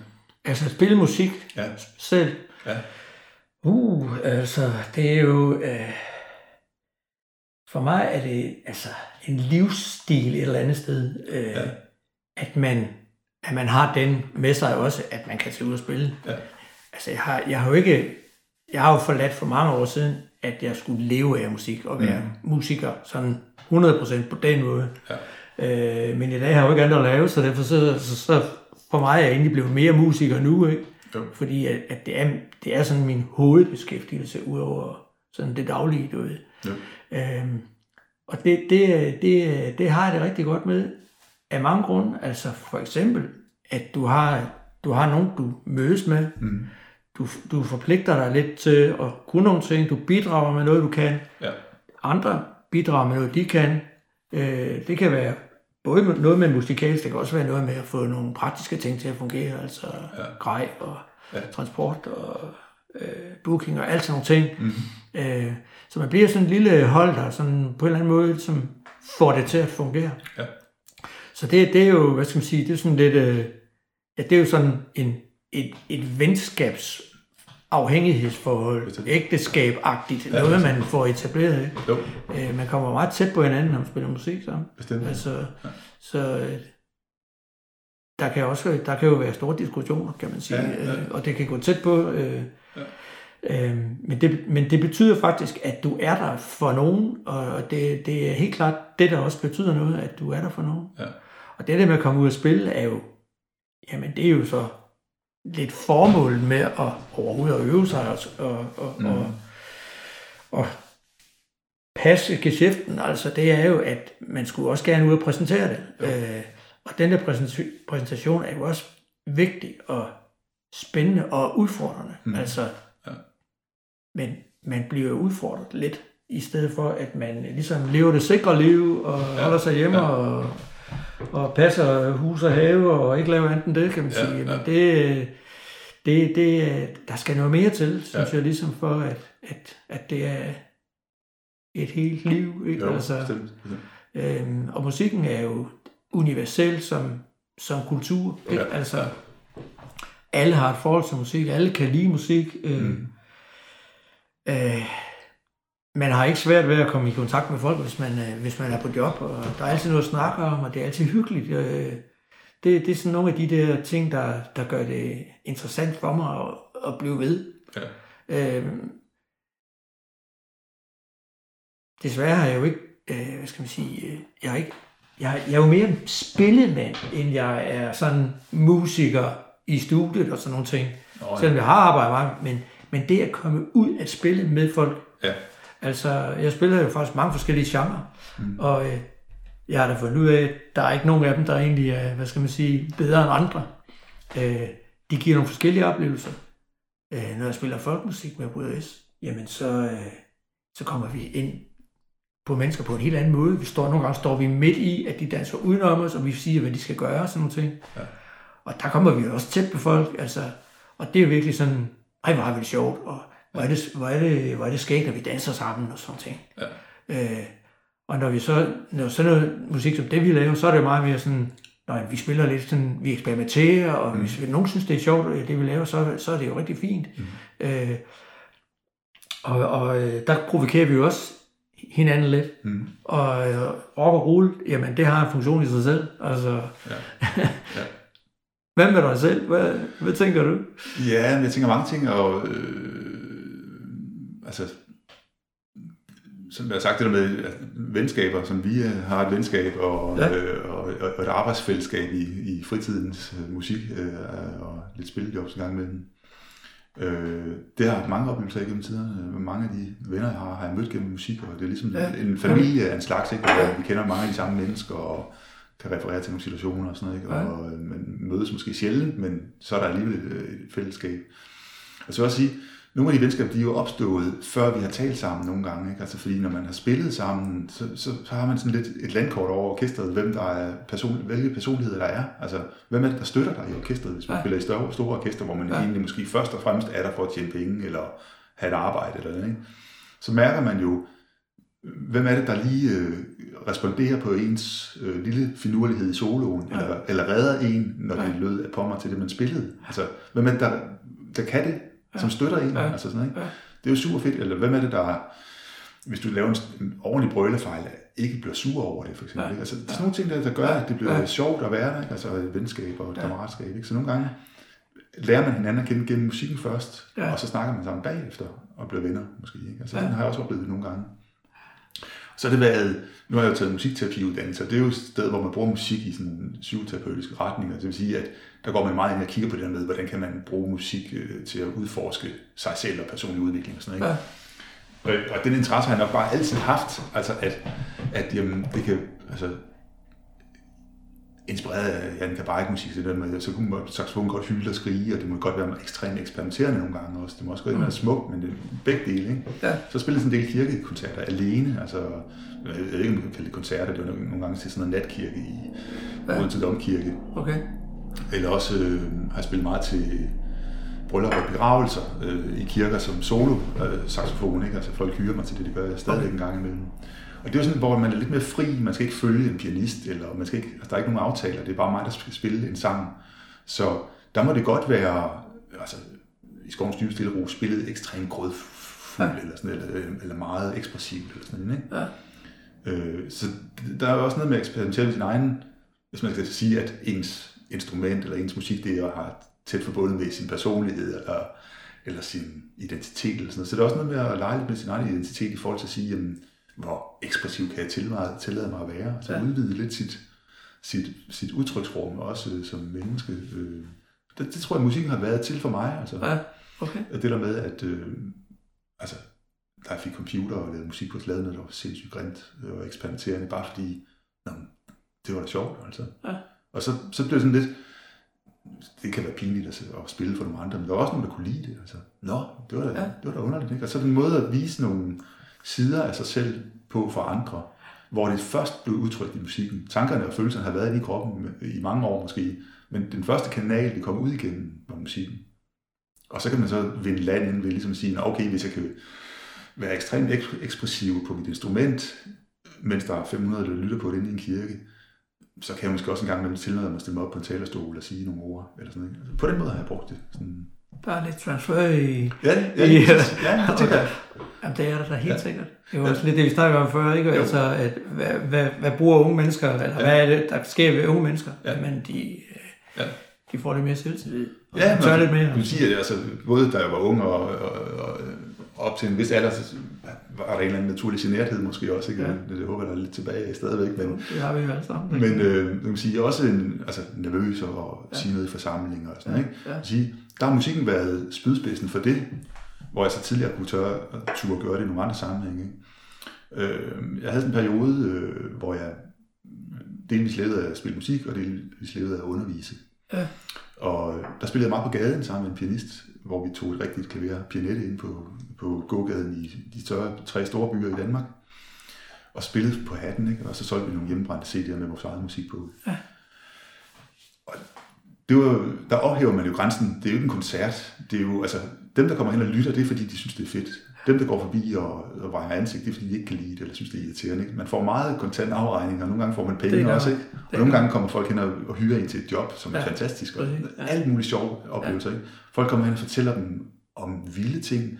Man har ikke, man har ikke, man har ikke talt med dem. Lige pludselig Nej. står de bare og siger et eller andet ekstremt dybt personligt, de vil Ja, fortælle. men en, du stiller dig til rådighed, når du stiller op på, Ja, det er på det. vejen. Jo. Ja. Det er det. det, det er jo sindssygt. Det er Så er du- sindssygt, øh, eller ikke sindssygt. Det, er- det, Du taler, du taler et sprog, øh, og så kommer der et svar. Ja, jo. Ja. Det er nogle vilde historier, folk Ja, og talt jeg godt forestille mig. på et splitsekund, men Ja, altså, ja. bare fordi man lige holder en pause. Ikke? Men det har da også oplevet mange gange, at, at folk øh, finder det helt naturligt at gå op og tale til nogle af dem, der spiller. Ja. Øh, måske endda mens man spiller. Ja, jo. Men altså, øh, det er helt klart, at det er en åben dør. Du ja. åbner døren og siger, men her er jeg ja. som person, og ja. så kommer der en og siger, "Nå, men jeg, kan, jeg har den her historie. Ja. Det er vildt fascinerende. ja, det er det faktisk. Altså det synes jeg, det er. Og det har jo lært mig noget om mennesker og samvær med mennesker. Det der med, Ja. at man kan, man kan faktisk henvende sig til mange mennesker og, og få en god snak i gang, hvis man egentlig... Jeg ved ikke, hvad det er, jeg gør, eller hvordan jeg gør det. Altså andet end bare, at øhm, jeg kender det jo fra musikken, den der måde at bygge relationer på. Ja. Ja. Så det kan man også sagtens gøre på andre måder, altså ved at tale med folk og sådan noget. Ikke? Øh, det er sjovt, altså. Det er virkelig sjovt, synes jeg. Øh, Og du, nu, jeg, jeg skal lige stille dig et spørgsmål omkring det med, du siger, at du spiller alene. ja. Øh, har, du ikke, har du ikke oplevet, at, at når du spiller i, hvad skal man sige, store orkester, eller Jo. altså mere end to-tre stykker, Ja. at så har du, øh, så har du, så har du ligesom lidt mere, øh, du har lidt mere ro på dig, kan man sige, sådan Jo, til en start, men når du står helt alene, eller Ja. det jeg har prøvet, som jeg synes var hårdest, det, det var at spille to. Ja. Øh, fordi at så var jeg i en situation, hvor alt, hvad jeg lavede, ligesom blev, Ja. følte jeg, blev vejet på en guldvægt. Ja. Øh, og det gjorde det nok ikke, men, men sådan følte det i hvert fald. Ja. Og jeg tænker, når du spiller helt alene, så må Ja. du ligesom, så skal du ligesom overvinde dig endnu mere måske i forhold til at, Jo, øh, at give los, Jo, eller, bestemt. eller slappe af, eller hvad det Jo, være. bestemt.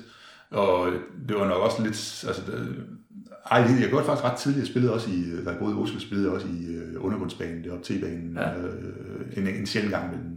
Altså, Men jeg rystende nervøs. Jeg gjorde kun en time, og, Nå. og når nogen, der, nogen jeg kendte, kom forbi, Men blev du mere nervøs af at spille alene? Er det så det, det jeg ja, til at starte med, ja, Ja. bestemt. Ja. Men man overvinder det, Ja. når, man, når man gør det mere. Ikke? Men det er jo klart, altså når man spiller et stort orkester, jeg spiller et dansorkester med 10-11 personer, Ja. ja. øh, og man spiller saxofon, så spiller man jo mindre, end når Ja. man spiller alene, eller spiller, fordi altså, Du er jo ikke mindre bærende orkester- hele ja, tiden. jo mindre orkestret er, jo mere spiller man som regel. Ikke? Altså. Men øh, jo, jo, det, men man kan sige, fordelen ved at spille helt alene, hvis man ovenikøbet selv må bestemme, hvad man spiller, eller ja. hvordan man spiller det. Ja. Ja. Det værste, der kunne ske i den tilfælde, det var, at folk gav mig nogle noder og sige, du skal spille den her Ja. ja. på den her måde her. Ikke? Ja. Jeg vil helst have en eller anden form for frihed i både måske at vælge melodien og vælge udførelsen af det. Der skal Ja. noget improvisation og, og sådan, der skal ikke, det skal ikke være for stramt styret. Jeg tænker, det må være lidt en overvejelse. Nu, er jeg ikke, nu har jeg ikke det samme forhold til at spille et instrument, fordi jeg spiller guitar, og du spiller saxofon, så, så det er en anden, du spiller et melodiinstrument. Jo. Jeg kunne godt spille melodier, men ja. Det har ikke gjort så meget, kan man Nå. sige. Øhm, I hvert fald ikke uden, at der var nogen, der lå bagved. Klart. Øh, så altså, det, det er et andet forhold, du har til det, du skal gøre. Ja. Øh, Ja. Og d- spille i en undergrund, det, så har du, så har du, Ja, ja, ja, øh, så har du ligesom Ja. lidt akustik med dig på Ja. den måde. Ja. Øh, Men altså, det er kun fedt at gøre det i et eller tre numre, fordi Ja. ja. nogle gange så har jeg tænkt, om så har jeg taget en ghetto blaster med med noget baggrundsmusik, og så spillet på gågaden et eller andet Ja. ja. sted, øh, bare fordi det var sjovt. Men det bliver man hurtigt træt af. Man mangler, Ja. ja. man mangler sine marker at snakke Ja, ja, med, og man man. mangler markeren, der spiller noget Ja. ja. en gang, hvor man kan holde en pause, og Ja. ja. der bliver for, man, jeg føler, at der bliver for meget opmærksomhed på en, og at det, Ja. ja. man kommer til at spille det samme og det samme og det samme. Ikke? Altså, øh, Det er svært at variere sig Ja. over en time, ikke? Ja. Øh, og så spiller man en time i træk stort set. Ikke? Altså, det er Ja. hårdt, ikke? Altså, Ja. uden pauser. gjort det til nogle private fester en gang imellem også, altså, hvor min klavermarker ikke kunne komme med. Okay. Og så, altså, det var altså overvejet gennem to timer under en middag, ikke? Altså, med tracks. Men Ja. det var sådan en lille udfordring, jeg gav mig selv, fordi jeg synes, det kunne være sjovt at kunne det. Ja. Og det var det også, men det var også sindssygt hårdt, altså. Ja. Det var det. Det er faktisk hårdt, man regner med sådan noget. Ja, det er det. det, er det. Også fordi jeg var hele tiden i tvivl, om folk kunne lide det eller ej. Ikke? Altså, Ja. Og jeg vidste, det ville have været bedre, hvis der havde været en levende musiker med også. Ikke? Så. Ja. Hvad med øh, den musikpædagogiske opgave, har vi øh, lovet hinanden at snakke om. Ja. Det- Vi har været en lille smule inde på det, Jo. når vi begge to har beskæftiget os med musikpædagogik med en uhyggelig mange år. Ikke? Altså, du har flere års erfaring i det end mig. Men øh, det har fyldt meget i vores arbejdsliv i hvert fald på et tidspunkt. Så helt sikkert, ja. Det har fyldt meget i mit liv, jo. Ja, Jeg tror, det, altså, det startede, det startede ind i mit hoved, da jeg gik på, på seminariet, og jeg tror, vi, vi var nogle stykker, der gik, øh, der gik på musiklinjen dengang, som, som øh, gik og drømte om, at vi skulle være lærer på, øh, på en musik efterskole. Altså, det, det var de år, hvor man begyndte at udvikle sådan nogle, sådan nogle skoler. Ikke? ja. Øh, og, og, øh, og, og vi kunne sådan se, at jamen, musikken er jo helt oplagt til at hvad skal man sige, komme ud og lave noget ekstra, øh, måske gøre en forskel øh, for nogle unge mennesker. Øh, Ja. så, ville, så ville skæbnen bare, at øh, øh, jeg, ramte, jeg ramte ind i, at øh, jeg spillede, jeg, jeg blev- indkaldt til, jeg blev indkaldt som militærnægter, øh, og fandt så ud af, at det var, det var ikke det mest spændende arbejde, jeg kunne få, og, øh, og så kom jeg i tanke om, at jamen, jeg kunne da vist egentlig godt blive kasseret, fordi jeg har høfeber. En helt øh, absurd historie, men man kan godt blive kasseret øh, for det samme som soldater. Hvis man ikke har nyset ned i skyttegraven, så er det jo ikke så godt. Så jeg blev kasseret. Efter heldigvis øh, forholdsvis kort tid. Og på det tidspunkt, der spillede jeg sammen med en amerikansk sangerinde og, og nogle andre musikere her fra Fyn. Og øh, vi havde bare en drøm om, at vi skulle bare kunne spille en masse musik og sådan noget der. Men det var jo, altså, det er en hård branche, altså. Ja. Og vi var nok heller ikke dygtige nok, altså. Jeg var i hvert fald, jeg var i hvert fald nok ikke i den liga, som nogle af, nogle af de etablerede orkestre var i. Øh, så altså, det var jo ikke, det var jo, det var jo hovedløst at tænke mm. på det. Øh, og det viste sig jo også, at, at det, var jo ikke, det var ikke til at skaffe job nok, så man kunne leve, man kunne ikke leve af det. Det var helt umuligt. Så blev jeg lærer, tilfældigvis på den samme skole, som jeg selv havde været elev, Teknikerskolen, blev jeg lærer, og så øh, mødte jeg Kaj Ludvigsen, efter, han, han var en, min gamle lærer også jo, øh, gymnastiklærer selvfølgelig, øh, og på det tidspunkt, der var han konstitueret ungdomsskoleleder, og han vidste jo godt, jeg kunne se på mit lange hår, jeg nok stadigvæk spillede musik. Mm. Øh, det var ligesom sådan en indikator for, at man var noget med musik, det var, at man havde langt hår dengang. Ja. Øhm, øh, I hvert fald så var han jo nysgerrig nok for at høre, hvordan det gik med det. Og så, øh, så kom han hen og sagde, hvad Ole, kunne man egentlig ikke undervise i rockmusik? Og øh, på det tidspunkt havde jeg ikke drømt om, at det skulle gå den vej. Men pludselig kan jeg jo godt se, jamen der var der en mulighed her. Øh, jeg har jo bare tænkt, om jeg skal undervise musik i folkeskolen, og, og hvad det nu kan blive af frivillig musikundervisning, og lidt matematik og sådan lidt forskelligt. Øh, og så havde jeg da noget at leve af, at jeg skulle spille musik i min fritid. Men, ja. men pludselig så kunne jeg jo se, jamen det er jo her, altså her kunne man gøre det. Og så langsomt fik vi opbygget, at øh, unge mennesker kunne, øh, dem jeg havde til matematik, dem fik jeg jo til at, at rykke med over og spille musik i ungdomsskolen i fritiden. Øh, der mødte jeg jo nogle, øh, nogle meget begavede unge mennesker, for eksempel Morten Garnes, som jo allerede dengang, da han var ung, øh, var virkelig dygtig altså. Øh, men øh, vi fik jo sat nogle orkestre på benene og købt noget grej, og efterhånden så, så, så blev det jo en, en opgave, det der, at få unge mennesker i gang med at spille musik.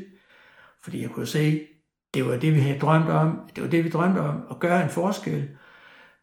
Efterhånden gik det jo op for os, eller mig, og nogle tilkommende kolleger efterhånden som tiden, øh, efterhånden som det voksede, ikke også? Mm. at det, der drejer sig om, det var jo at hente nogle af de unge mennesker ind, som måske ellers ikke øh, ville have fundet musikken. Mm. Få dem sat i gang med at spille musik, ligesom jeg selv var startet, men Mm. jeg havde jo ikke hjælp til det, kan man sige. Men med lidt hjælp kunne man sætte flere i gang. Mm. Og der var rigtig mange, der kom ind og kom i gang med at spille musik, og det var en kæmpe fornøjelse at se nogle unge, som øh, man havde dømt ud, som mine kolleger på teknikerskolen måske havde dømt ud, øh, eller som ikke så, så noget i, mm. pludselig så lever de bare, fordi ja. de får en guitar i hånden, eller de begynder at synge, eller spiller klaver, eller hvad det nu kan være. Mm. Og, og man får startet de der venskaber, øh, fælles forpligtelse til at, at få musikken til at fungere. Øh, det bliver naturligt for, for de unge, at jamen, man skal nok lige hjem og øve sig lidt, fordi øh, der kommer en, en, en øvegang næste uge, hvor, hvor de skal være klar. Så det, det begynder sådan at vokse, alt det der. At vi kan se, at der er bare rigtig mange unge mennesker, der gerne vil det der. Og det, det vokser jo altså, i, i det område, som, som øh, ligger ude omkring Tingløbskolen og så videre, øh, sydvestlige dele af Odense, der kom der jo ja, flere hundrede. Altså vi var oppe på, på tidspunkt og talte, at det var 250-270 unge mennesker, mm. der spillede musik i en eller anden afskygning. Ja. Det er jo ret vildt. Ja. Det er jo ret vildt. Ja. Øh, og det var fyldt med gode oplevelser. Altså, du har også selv øh, nævnt noget af det, ikke? Altså, mm. Aalborg, til festival i Aalborg. Vi var på Ærø med nogle elever. Øh, jeg havde, på et tidspunkt havde vi øh, havde mulighed for at lave nogle, øh, nogle weekender, hvor vi, kunne lave, hvor vi kunne eksperimentere, eller hvor vi kunne øh, tage enkelte bands, som havde lyst og tid til at fordybe sig lidt mere, jamen så tog mm. vi en weekend, og så, så gjorde vi noget ekstra ud af det. Mm. Og alle de der, alle de der oplevelser der, de, øh, de, de, de, ligger der jo i mit baghoved som nogle gode oplevelser, og så møder jeg lige pludselig forleden dag, der mødte jeg, der var jeg på sådan et hotelophold op ved Skyt Hus, så kommer der kunne hjælpe med en mand ind og stiller sig sådan en lidt, øh, ja, så lidt ligesom dig på din alder, måske lidt en anelse ældre, så jeg sige. Så stiller han, hej Ole. Og så siger øh, dog, hvem er du? Øh, fordi han havde jo maske på, så ja. man kunne jo ikke se noget andet end, jeg kunne se hans øjne. Og så siger han, det er Anders Kisling. Nej, siger jeg, jamen nej, hvor spændende. Vi har, og så havde vi jo lige snakket sammen for, ikke, måske for en 3-4 måneder siden, havde vi lige kommunikeret lidt på Facebook. Ja. Han var jo en fantastisk musiker. Allerede der som ung. Og så pludselig så møder vi det, og han kommer hen til mig og siger, nej, det var en god tid, og ja. øh, det var spændende, og tænk, hvad vi lærte dengang, og det satte mig i gang, og alt ja. muligt, du ja. ved. Ja. Og så har jeg bare mødt rigtig mange unge mennesker, der, der siger, nej, det var nok en god tid, og hvor var det egentlig fantastisk, hvad, ja. hvad vi kunne. Og det, det er jo, altså, mit, mit bagkatalog i forhold til alt det det er jo bare fyldt med ja. unge mennesker, der smiler og ja. har fået gode oplevelser ved koncerter. En på magasinet der vi har haft tonsvis af koncerter. Ja. Musicals. Altså når, når folk har lavet, lavet en musical og virkelig anstrengt sig, og det gjorde de jo virkelig i de der store musicals, vi lavede, hvor, hvor alting jo bare klappede sådan semi-professionelt. Jamen altså, at se de der strålende øjne, ja. når, man, øh, når man virkelig har præsteret store ting sammen, det er intens jo. Det er helt, øh, det er ja. helt vildt. Ja. Det er helt vildt. Det er svært for de oplevelser andre steder. Ikke? Altså, der er sikkert nogen, der får det i sport også, at de vinder, jo. vinder en turnering, eller jo. de rykker op. Jo, jo. Og det, sådan, ikke? Det, der det får de den samme oplevelse, men, men øh, det er jo noget særligt det der med, at man kombinerer musik og lyd og lys og ja. producerer og alt muligt ja. andet, skriver stykkerne og sådan noget. Ikke? Det er i hvert fald noget, der, det er i hvert fald noget, der har givet mig noget, og jeg ja. håber så også, at det har givet øh, unge mennesker noget. Jo, det tror jeg. Er sikker på, at det har. Jeg er sikker på, det, det, det har du. Det Selvfølgelig har det. Ja. Så hvad er så succeskriterierne for musikundervisning? Er det, øh, at det skal få unge mennesker til at, at få en god ungdom og få et afsæt for voksenlivet, eller hvad? Ja, mere det, altså som en generel ting, så er det det. Ja. Øh, nogle af dem bliver så gode øh, sygeplejersker, eller ja. øh, direktører, eller skolelærer, eller smede, eller slagteriarbejdere. Ja. Og nogle af dem bliver musikere. Ja. Og nogle af dem bliver musikere en periode, og så holder de op. Ja. Og får en restaurant ind i Odense. Mm. Altså, det er jo sådan, det, det, det der sker. Ja. Altså, øhm, alt det, jeg lige sagde her, det er noget, der er eksempler på. Ikke? Altså, ja. øhm, øh, journalister. Altså, det, ja. det, altså det, det er helt vildt, hvad, ja. hvad, hvad folk egentlig sådan efterfølgende kan se, hvad det bliver til. Og hver gang jeg, hvis jeg, hver gang jeg får lidt kontakt, så siger jeg, det var, det var en god tid. Ja. Og der vil jeg jo bare hænge min hat på, jamen en af grundene til, at de vender tilbage på den måde, det er selvfølgelig fordi, at det var med til, det var en af de ting, der var med til at bygge ja. det selvtillid, nogle gode oplevelser, evnen til at, at, at agere socialt og sådan ting. Ja, og det er ja. det, det, det, ja. det, det, det, det kan i ja. musikken. Ikke? Altså, øh, det er jo i virkeligheden helt vildt, at man ikke bruger det noget mere. Ja, bestemt. Altså, øh, ja, forskerne har jo sagt det, øh, der var ikke nogen, der hørte det, øh, men, men musikken er jo en, en øh, det, det, det, er jo, det er jo det, der får tingene til at ske, det er mm. det, der får den sociale interaktion til at fungere godt. Ja, Altså, bestemt. Det er, ja, Og den klassiske musikpædagogiske diskussion, det er, er musikken målet, eller er det midlet? Og her der taler du meget om musik som middel, og så siger du selvfølgelig, der er også nogen, der har... det, det er begge dele. Ja, altså, ja. det er begge dele. Altså, det, selvfølgelig skal man anstrenge sig Ja, altså, og nå et mål. ja, Men det er ikke sikkert, at målet er, at du skal blive professionel musiker. Nej. Men det, du laver lige nu, det skal blive godt. Ja. Du skal blive så godt som muligt sammen med dine kammerater. ja, Det, det, det, er- det, det er en forpligtelse, man, man tager på sig. ja, Øh, og uanset hvad du bliver, musiker eller, eller slagteriarbejder, Ja. ja. uanset hvad, så har, så, har du, så, har du, så er du blevet bedre kapabel, menneskeligt set, mm, ved at du også har spillet musik. ja, Øh, jeg, har set, jeg har set adskillige eksempler på, at folk øh, var dømt ude, hvis du står. Altså, ja, ja, Øhm, måske, havde de, måske var det ballademanden eller klovnen i, i klassen mm, øh, i folkeskolen, som så fik en ny start. Ikke? jo, Og pludselig var man noget på en måde, som var acceptabel for alle. ikke? Jo. Jo. Det har jeg set ja, ja, ja, bestemt, bestemt, ja, Så Ja. det er jo rart, det er i hvert fald rart at kigge tilbage på. Altså, jeg vil da også sige, det var hårdt indimellem. Mm. Altså, der, der skulle der også arbejdes. Det var ikke noget, der kom. Det kom ikke af sig selv. Selvom eleverne kom af sig selv, så- så kom alting kom ikke af sig selv. nej, Øhm, der skulle også arbejdes på de indre linjer for, for, hvad skal man sige, for at få tingene til at ske, og få midler til at lære købe instrumenter, og ja, øh, der skulle skemalægges, og altså alt muligt praktisk også, ikke? Altså, for, ja. for, at det, for at det kunne køre. Ikke? jo, Men jeg havde en god ledelse, der hjalp mig. Ja. Og som forstod betydningen af det. Altså Karl Ufsen start, var med til at starte det op, og Nille og, så videre, der kom, der kom til der, ja. som leder i ungdomsskolen. Ja. Der har været god, ungdom- god øh, forståelse for det i, ja. i, i den tid, jeg har været i ungdomsskolen, vil jeg Ja. sige. Og jeg, altså, jeg, jeg kommer så lidt i efterløbet af det, du snakker om her. Ja. Du er lige, øh, en lille smule mere erfaren end mig, øh, eller har nogle flere Ja, år på... som underviser, men du har, mås- du har vel haft nogle andre typer, altså. Jo, jo, men altså, du er lidt flere år på tælleren, end jeg har. Det vil sige, at, at musik havde også en anden status dengang, synes jeg. Altså, det du beskriver her med Ja. ja. 270 elever i et lokalområde, Ja. Øh, det var jo intenst, øh, og, og, og det var, du har beskrevet der opblomstring af den rytmiske musik, og man har taget det ind som undervisningsfag, og man har Ja. ja. lavet det som ungdomsskoleaktivitet, og Ja. ja. alle kan spille musik, hvis de har lyst og vil, og få nogle gode oplevelser med det. Ja.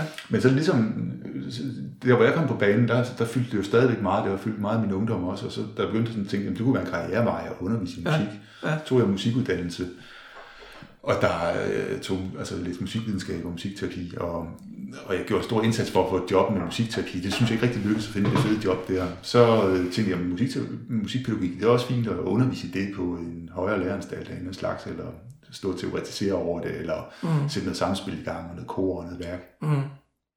det var jeg ikke særlig god til egentlig. Jeg, øh, altså, det havde ikke den, den samme øh, repertoire-skuffe, som du havde i forhold til at lave sammenspil og sådan noget, fordi jeg ikke havde de der ret mange af de rytmiske instrumenter inde under huden selv. Så, så det blev mere sådan noget med at uddanne pædagoger øh, gennem at snakke pædagogisk teori og sådan noget, ikke? og Ja. endte med at undervise i teoretisk pædagogik på, på konservatoriet okay. I et års tid. Ja. Og øh, øh, altså, der er jo stadigvæk folk, der brænder for musikpædagogikken, som er sindssygt dygtige til det, og, ja. og aktiverer unge mennesker og sådan noget. Men jeg oplevede også det her med, at det blev også beskåret mere og mere. Det fyldte mindre og mindre i samfundet. Altså, Ja. folk, jeg, jeg kender ikke antallet af mennesker, der spiller musik i Danmark i forhold til, hvordan det var i Nej. min ungdom. Men min Nej. oplevelse er, at det fylder mindre og mindre. Og den der, øh, som man tidligere gik meget op i at nørde i bunden med et instrument, Ja. så meget man kunne. Ja. Det er ligesom blevet spredt ud på noget mere, noget, nogle flere forskellige aktiviteter. Der er stadigvæk nogen, der nørder fuldstændig og bliver nogle fantastiske instrumentalister. Jo. Dem er der lige så mange af, som der altid har været, tror jeg. Men den brede, folkelige musik, det er sådan lidt øh, gået tilbage igen. Altså, ja. der er færre, der spiller musikinstrumenter til private fester, og, fordi det er sjovt, og Ja. øh, Ja, moster, i. moster et eller andet, eller ja. Ja. et eller andet spiller også lige harmonika. Sådan. Ja. Det møder man færre af, synes jeg, end man gjorde tidligere. Hvor, altså, det er ligesom om, at det er blevet professionaliseret, og det synes jeg er fedt, det er det, fordi der er noget fed musik at lytte til, men afstanden mellem, om man spiller musik, fordi man er sindssygt dygtig til det, eller man spiller musik, fordi man bare har lyst til det, og det giver egentlig noget hygge til selskab, så er man nok lidt mere tilbøjelig til at sætte en plade på, eller en CD eller noget streaming på, fordi det ved vi da være. Altså, der skal, der skal lidt mere til, for at træde op i dag, fordi vi har hele, vi ser det i fjernsynet hele tiden, det er kun, nå, nu er det kun amatører, man ser i fjernsynet spille musik, men, men, men, man har adgang til de store fede koncerter og ja. lytte til alt muligt i dag, så, så man er meget forventet i dag med, øh, det, det opleves ja. også gøre som en, større barriere at komme til at synge og spille det musik, man hører i streaming, fordi det er så højt produceret. Ikke? Altså, jeg tror, jeg tror, der, er, der, der er mange, jeg tror, der er mange forskellige forklaringer på det. Ja. Men, men jeg kunne se en reaktion på det, på det, du siger, på det fænomen, du siger der. Mm. Øh, på et tidspunkt, øh, for en, ja, måske en 6-7 år siden, cirka, der, øh, der startede her Nick Simon Kram fra Nephew, og Nephew i det hele taget. De startede jo sådan en, en, en øh, øh, hvad skal man kalde det, øh, nogle, nogle, nogle sessions, eller nogle, nogle tiltag, hvor de vil have unge mennesker til at gå i gang med at spille musik og anstrenge sig. Mm. Altså, man skulle faktisk gøre en indsats. Altså, det var ikke nok at have en guitar, kan man sige, for at tage det laveste niveau. Det er ikke nok at have en computer og trykke på en knap. Øh, nej, du skal, du skal sætte dig ind i tingene, og du skal øve dig. Det, det var ligesom, det var, det, det var, det var hans, øh, det var ham, der var talsmand for det, så det nævner ham, men, men mm. der efterlyste han jo det, som du egentlig siger, at der er mange, der spiller, og de gør det så godt, de kan. Og, det, og at niveauet måske lige kom lidt op. Bare lige sådan, mm. altså ikke at vi skal være professionelle, men at man lige skal have unge mennesker til lige, jamen kom nu, mm. gør det. Øv jer lidt mere. Det er ikke nok at se sej ud. Du skal også, øh, du skal, mm. du skal også øve dig. Mm. Det, det, og, og det ligger så også, det, det er så et resultat af tiden med, at jamen, du har din telefon, du har din computer, du øh, skal spille, du skal spille øh, bold med nogen, du skal, mm. du skal holde fester med vennerne, du skal, altså, du skal, du skal præstere i skolen, og du skal også helst have et, fritids, et fritidsjob, hvor du tjener penge til de smarte tøj, og så videre. Mm. Altså, der, der er rigtig mange forventninger til, hvad de skal. Ja. Og der er musikken altså glædet lidt sådan ind i, i bunken af alle de mange ting, du skal. Ja. Så, det, så derfor bliver det lidt mindre. Ja. Det, det er sådan, jeg tænker, det, det, ja. at det er. Og det, det er begrædeligt jo, altså. Jo. Det ville være dejligt, hvis der var nogle flere, ja, altså, der bestemt. spiller musik. Men du har stadig produceret musikere på et sindssygt højt niveau, ja, det gør der. endnu højere end ja, det gør. tidligere. Ja, jeg, altså. jeg kan blive virkelig misundelig, når, ja. når jeg tænker på, hvilke hvilke muligheder man egentlig har i dag. Altså, ja. Der er mange, der, der bliver vredet igennem øh, konservatorierne og, mm. og øh, MGK og hvad har vi. Ja. Det, altså, det, der er jo virkelig muligheder, og, ja. og dem, der kommer igennem der, de er gode. Ja. De er også, standarden er også blevet større. Ja. Den er blevet højere i toppen og lavere i bunden. Ja, ja. Altså, ja. Og det, det er jo lidt ærgerligt. Ja. For det skulle helst, være, det skulle helst trække bunden med op, ikke? Sådan, jo, jo, så vi alle sammen blev lidt, øh, lidt ja. mere musikalske og, ja og kunne, bare det, vi var med i nogle kor og sådan noget. Ja, altså, øh, jeg har selv haft fornøjelsen af at synge i kor. Det er jo en fantastisk oplevelse at få lov at stå i et kor og mærke sidemanden øh, synge ja. og, og høre, at Nå, ja, vi har lidt forskellige stemmer, så kan vi ja. Nå ja, okay. Altså, de der oplevelser, det, det, det, er jo, det er jo det, vi skal have ja. nogle flere til. Ja. Jeg havde en snak med en leder i dag, øh, ja. fordi jeg laver også en podcast omkring ledelse. Og øh, der snakker vi om det der med, hvorfor, hvad er grunden til, at man beskæftiger sig med det, man beskæftiger sig med, om det er musik, eller om det er antikens Grækenland som ja. underviser, eller, ja. Ja. eller hvorfor interesserer man sig for ledelse, sådan, ikke? Øh, altså, hvad er egentlig den dybeste årsag til det? Ikke? Fordi hvis det handler om, at man, man brænder for musik, så kan man bare spille musik derhjemme, eller gå ud og spille med vennerne og koncerter og sådan noget. Hvorfor har man lyst til at undervise i musik? Mm. Hvad, hvad, hvad er meningen med det? Det kan være meningen at tjene penge, det har vi snakket lidt om, ikke? Altså, det er det for nogen jo. ja, øh, det er et job, ikke? Altså, ja. man drømmer om at blive øh, rockstjerne, og så bliver man ikke rockstjerne, så rykker man trinnet ned, eller bliver trinnet mere fornuftig, og så ja. øh, skal man have noget robrød og noget ja. værk, ikke? Ja. Så er musikpædagogik måske et meget godt job, ikke? Altså, ja. Det er sjældent, at det starter, tænker jeg. At Nej, det gør det ikke. Men det gjorde det heller ikke for mig. Altså, jeg sagde jo, jeg sagde jo jamen, vi, jeg havde selvfølgelig, som alle mulige andre havde en drøm om, ja. at man skulle ja. kunne leve lidt mere af det. Ja. Men så snakker om det, hvad det så, så gør, at man ja. går på arbejde ja. alligevel, fordi ja. at musikken er egentlig kerneinteressen. Ja. Hvorfor gider man så stå og snakke om det hver dag øh, med nogle andre, eller spille sammen med nogle andre hver dag, eller undervise nogle andre? Hvad, hvad er det dit svar på det? Jamen, jamen der, mit svar det er, at, at, at, at på en eller anden måde, at, at det at flytte mennesker Altså, fordi at når man flytter mennesker, ja. altså, du snakker om at se lyset i øjnene på dem, når de lige pludselig kan mestre et eller andet, som de ikke Ja. kunne mestre sidste år. Ja. Altså, de kan rykke et skridt videre, og de kan få en god oplevelse sammen med deres venner og spille en koncert eller noget. Ja. Det er jo fedt at se lyset i øjnene, og det smitter. Ja. Ja. Så det, at man, når man flytter andre, så flytter man også lidt på sig selv. Altså, man får også nogle oplevelser selv, Ja. og bliver klogere på sig selv Ja. ja. og på hinanden, og, og når måske ind til mere ind til kernen af det, man egentlig gerne selv vil præstere. Ikke? Så mit take på det der er, at grunden til, at jeg har beskæftiget mig med musikpædagogik, øh, eller mu- musikundervisning, har været, at det at indvige folk i den glæde, man selv har, det er da fedt. Altså, Ja, ja. Og at øh, egentlig kan man sige, jamen, så får man penge for at stå og beskæftige sig med noget, tale om det, og instruere folk i noget af det, som man øh, selv brænder for. Og det kan give, øh, det, det giver en glæde til sig selv, og det at skulle forklare, eller instruere, eller understøtte andres læring, gør jo, at man opholder så mange flere timer sammen med det, man egentlig godt kan lide. Ja. Og at man bliver mere tydelig på, hvad det her egentlig er for noget, og hvad det betyder for mig. Det kan også være enormt hårdt jo, fordi at stå i et, et musikundervisningslokale med øh, 25 pædagogstuderende, som er vidt forskellige steder i deres interesse, motivation og... Og hvis de ikke holder beatet ordentligt, altså hvis, Ja, ja, hvis, hvis beatet ligger sådan lidt skævt hele tiden, og du Ja. skal stå og Ja. hive i det selv, Ja. Det kan være ret anstrengende. Ja. Så det, det tror jeg, altså, det, det, det, det var måske der, hvor min interesse begyndte at svinde lidt der Ja. ja. på det praktiske udøvende, Ja. ja. fordi at, at øh, et, et undervisningslokale med nogen, der måske ikke øver sig så meget, ender jo lidt med at blive øh, meget støjfyldt og, Ja. ja. og, og meget, altså lidt sammenhængende musik. Ikke? Altså det er svært at lave andet end korsang og rytmeklap med 25 øh, studerende på en pædagoguddannelse.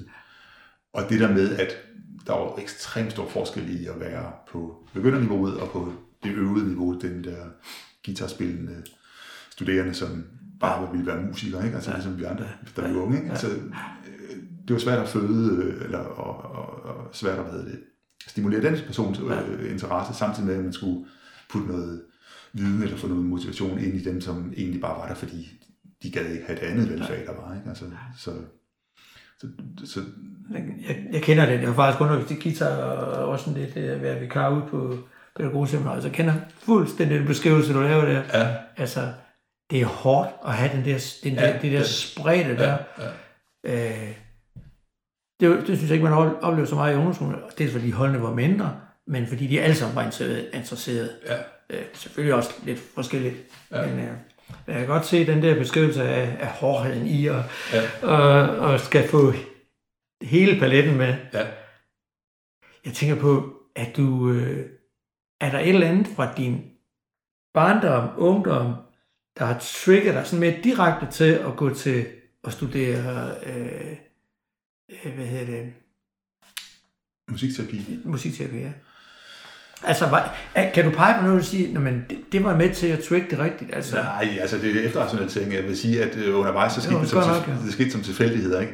Den første drøm i øh, ungdomsårene, det var at blive øh, topprofessionel musiker. Ikke? jo, jo. Øh, det lykkedes ikke lige øh, så hurtigt, som jeg regnede med. Jeg kunne også se, at der var nogen, der var startet senere end mig, som blev bedre end mig. Ikke? Så det, det, Ja. der var realistisk at sige, "Nå, men så hvis vi går trin ned ad stigen, så vil jeg have en musikuddannelse i hvert fald af en eller anden slags. En anden slags, ja. Og konservatoriet det turde jeg simpelthen ikke søge ind på, for jeg Nej. troede ikke, jeg var dygtig nok, og det var jeg sikkert heller ikke. Men så tænkte jeg, musikvidenskab på universitetet ja. og komme ud Ja. og undervise i gymnasiet, Ja. ja. det må da være fedt, Ja. i hvert fald. Og så har man, det har noget med musik at gøre på en eller anden måde. Og jeg har haft en god oplevelse i gymnasiet selv med nogle gymnasielærer der. Ikke? Så, øh, så begyndte jeg at studere musik. Så kan jeg godt se, der, altså, i starten der har man jo på musikuddannelsen, øh, musikvidenskab, der har man utrolig mange støttefag. Altså, I Norge kunne man få saxofon som hovedinstrument, og Ja, ja. brugsklaver og arrangering og alt muligt øh, hørelærer sådan. Ja. Alt muligt brugsfag, som ligner konservatoriet, bare Ja. på et mindre ambitiøst niveau. Ja. Og man spiller lidt band og sådan noget også. Og så var der de historiske fag, øh, altså musikhistorie, analyse og sådan noget. Ikke? Ja. Det var også fedt. Men jo længere man kommer ind i det, jo mere akademisk bliver det, jo mindre bliver det de der, og det at udøve musik, Ja, fordi så skal vi altså have noget videnskab på Ja. det og noget værk. Ja. Og mere og mere opgaveskrivning og sådan noget. Så røg det egentlig lidt væk fra min interesse, kan Ja. man sige. Ikke? ja. Så tænkte jeg, okay, hvis, vi skulle, hvis jeg skulle alligevel tage en fuld universitetsuddannelse, det havde jeg en ambition om. Så tænkte jeg, den eneste vej ind i det, det var egentlig så at sige, jamen, musikterapi, det, det lyder da meget fedt. Altså det der med Ja. egentlig at have sådan en behandlingsdimension, eller Ja. psykologiinteresse ind i Ja. det også. Øh, og så tog jeg den uddannelse der, og så blev så kandidat efter øh, de to uddannelser blev stykket sammen der. I, Ja. øh, Har du, har du nogensinde øh, brugt det? Altså sådan, Ikke følt, at du kunne give nogle mennesker noget med det? Nej, altså, nej. Heller ikke, Nej, heller ikke i dit virke nu. Nej, det korte svar. Jo. Nå, nu laver jeg Det sjov. kan med godt være, at man kan hive, hive lidt ind af, Ja. af den der viden, øh, du så har, Jo, bestemt. og så jo, det vil jeg godt. skubbe lidt ind, Jo. øh, u, altså Jo. øh, ubemærket mere eller mindre. Jo, jo, altså, jo, jo, jo. Eller som en lille, som en lille ekstra, i situationstegn, underholdende feature Jo, jo, jo. i, i en Nej, eller anden ting. jeg, jeg, jeg vil gerne komme med et seriøst svar på dit spørgsmål. Ja. Ja. Det humoristiske del af det, det var egentlig, at jeg har prøvet rigtig mange forskellige ting, hvor jeg prøvede at få nogle kanal, eller fået, fået åbnet op for nogle jobmuligheder og sådan noget. Ikke? Ja. Søgt nogle jobs og sådan noget, og musikmiljøet i Danmark er fint nogle steder, og centreret omkring noget forskning og sådan noget, og super Ja. fint. Ja. Og så er der nogle få musikterapeuter, der har nogle fede jobs, som jeg gerne ville have haft. De har aldrig fået de jobs. Og det, der ellers har været, så har været meget langt væk fra, hvor jeg boede, eller nogle meget, meget små jobs. Mm. Og så gav jeg ligesom op på det efter noget tid. Jeg og holde tonsvis af foredrag og, og workshops på, på behandlingssteder og Ja. muligt andet for ligesom at gøde vejen. Ikke? Men, øhm, men det var den uddannelse, der fik mig til at afslutte et universitetsstudie. Så Ja. Det var en fed funktion. Ikke? Ja. Den, den har åbnet døre, den der uddannelse. Ja. Det var en læringsmæssig og personlig udvikling, som var fed. Ja. Øhm, og som siger, det jeg i hvert fald bruger af det i dag, det er jo en eller anden form for, det at man træner relationskompetence, og man træner øh, at udvikle andre mennesker, og have etikken med sig, og, Ja. og hvad hedder det, øh, vide, hvornår man skal skubbe lidt på, og hvornår man skal lade være, og Mm. altså sådan nogle ting, sådan nogle, øh, nogle mennesketekniske ting, ikke? Ja. Altså, øh, det bruger jeg, og det har jeg da derfra, altså. Men jeg bruger det i samtale i stedet for, ikke? Altså, Ja, Jeg okay. bruger det i ledersparinger med ledere.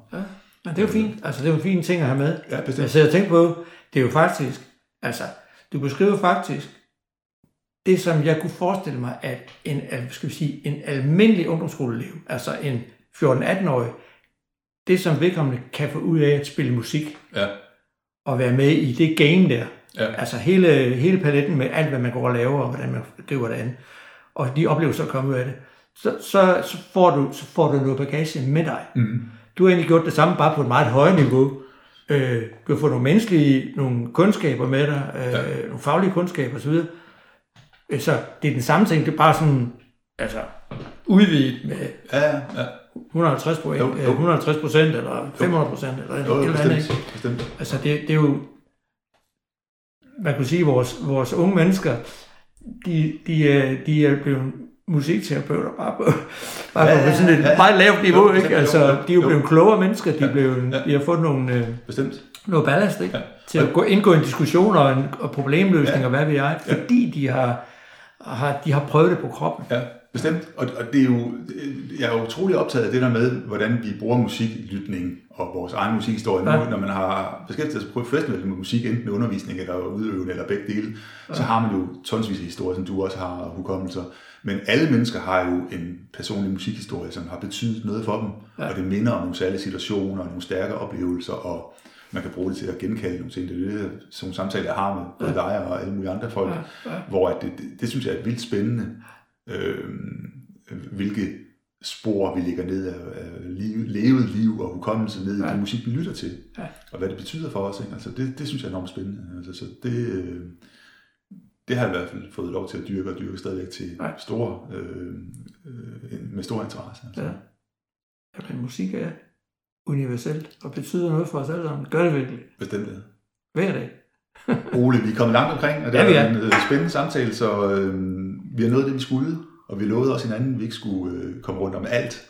Det vil være helt umuligt at nå. Ja. ja. Men jeg siger tusind tak for samtalen og dine Jamen. spørgsmål. Til mig også. Fornøjelse at være på min side.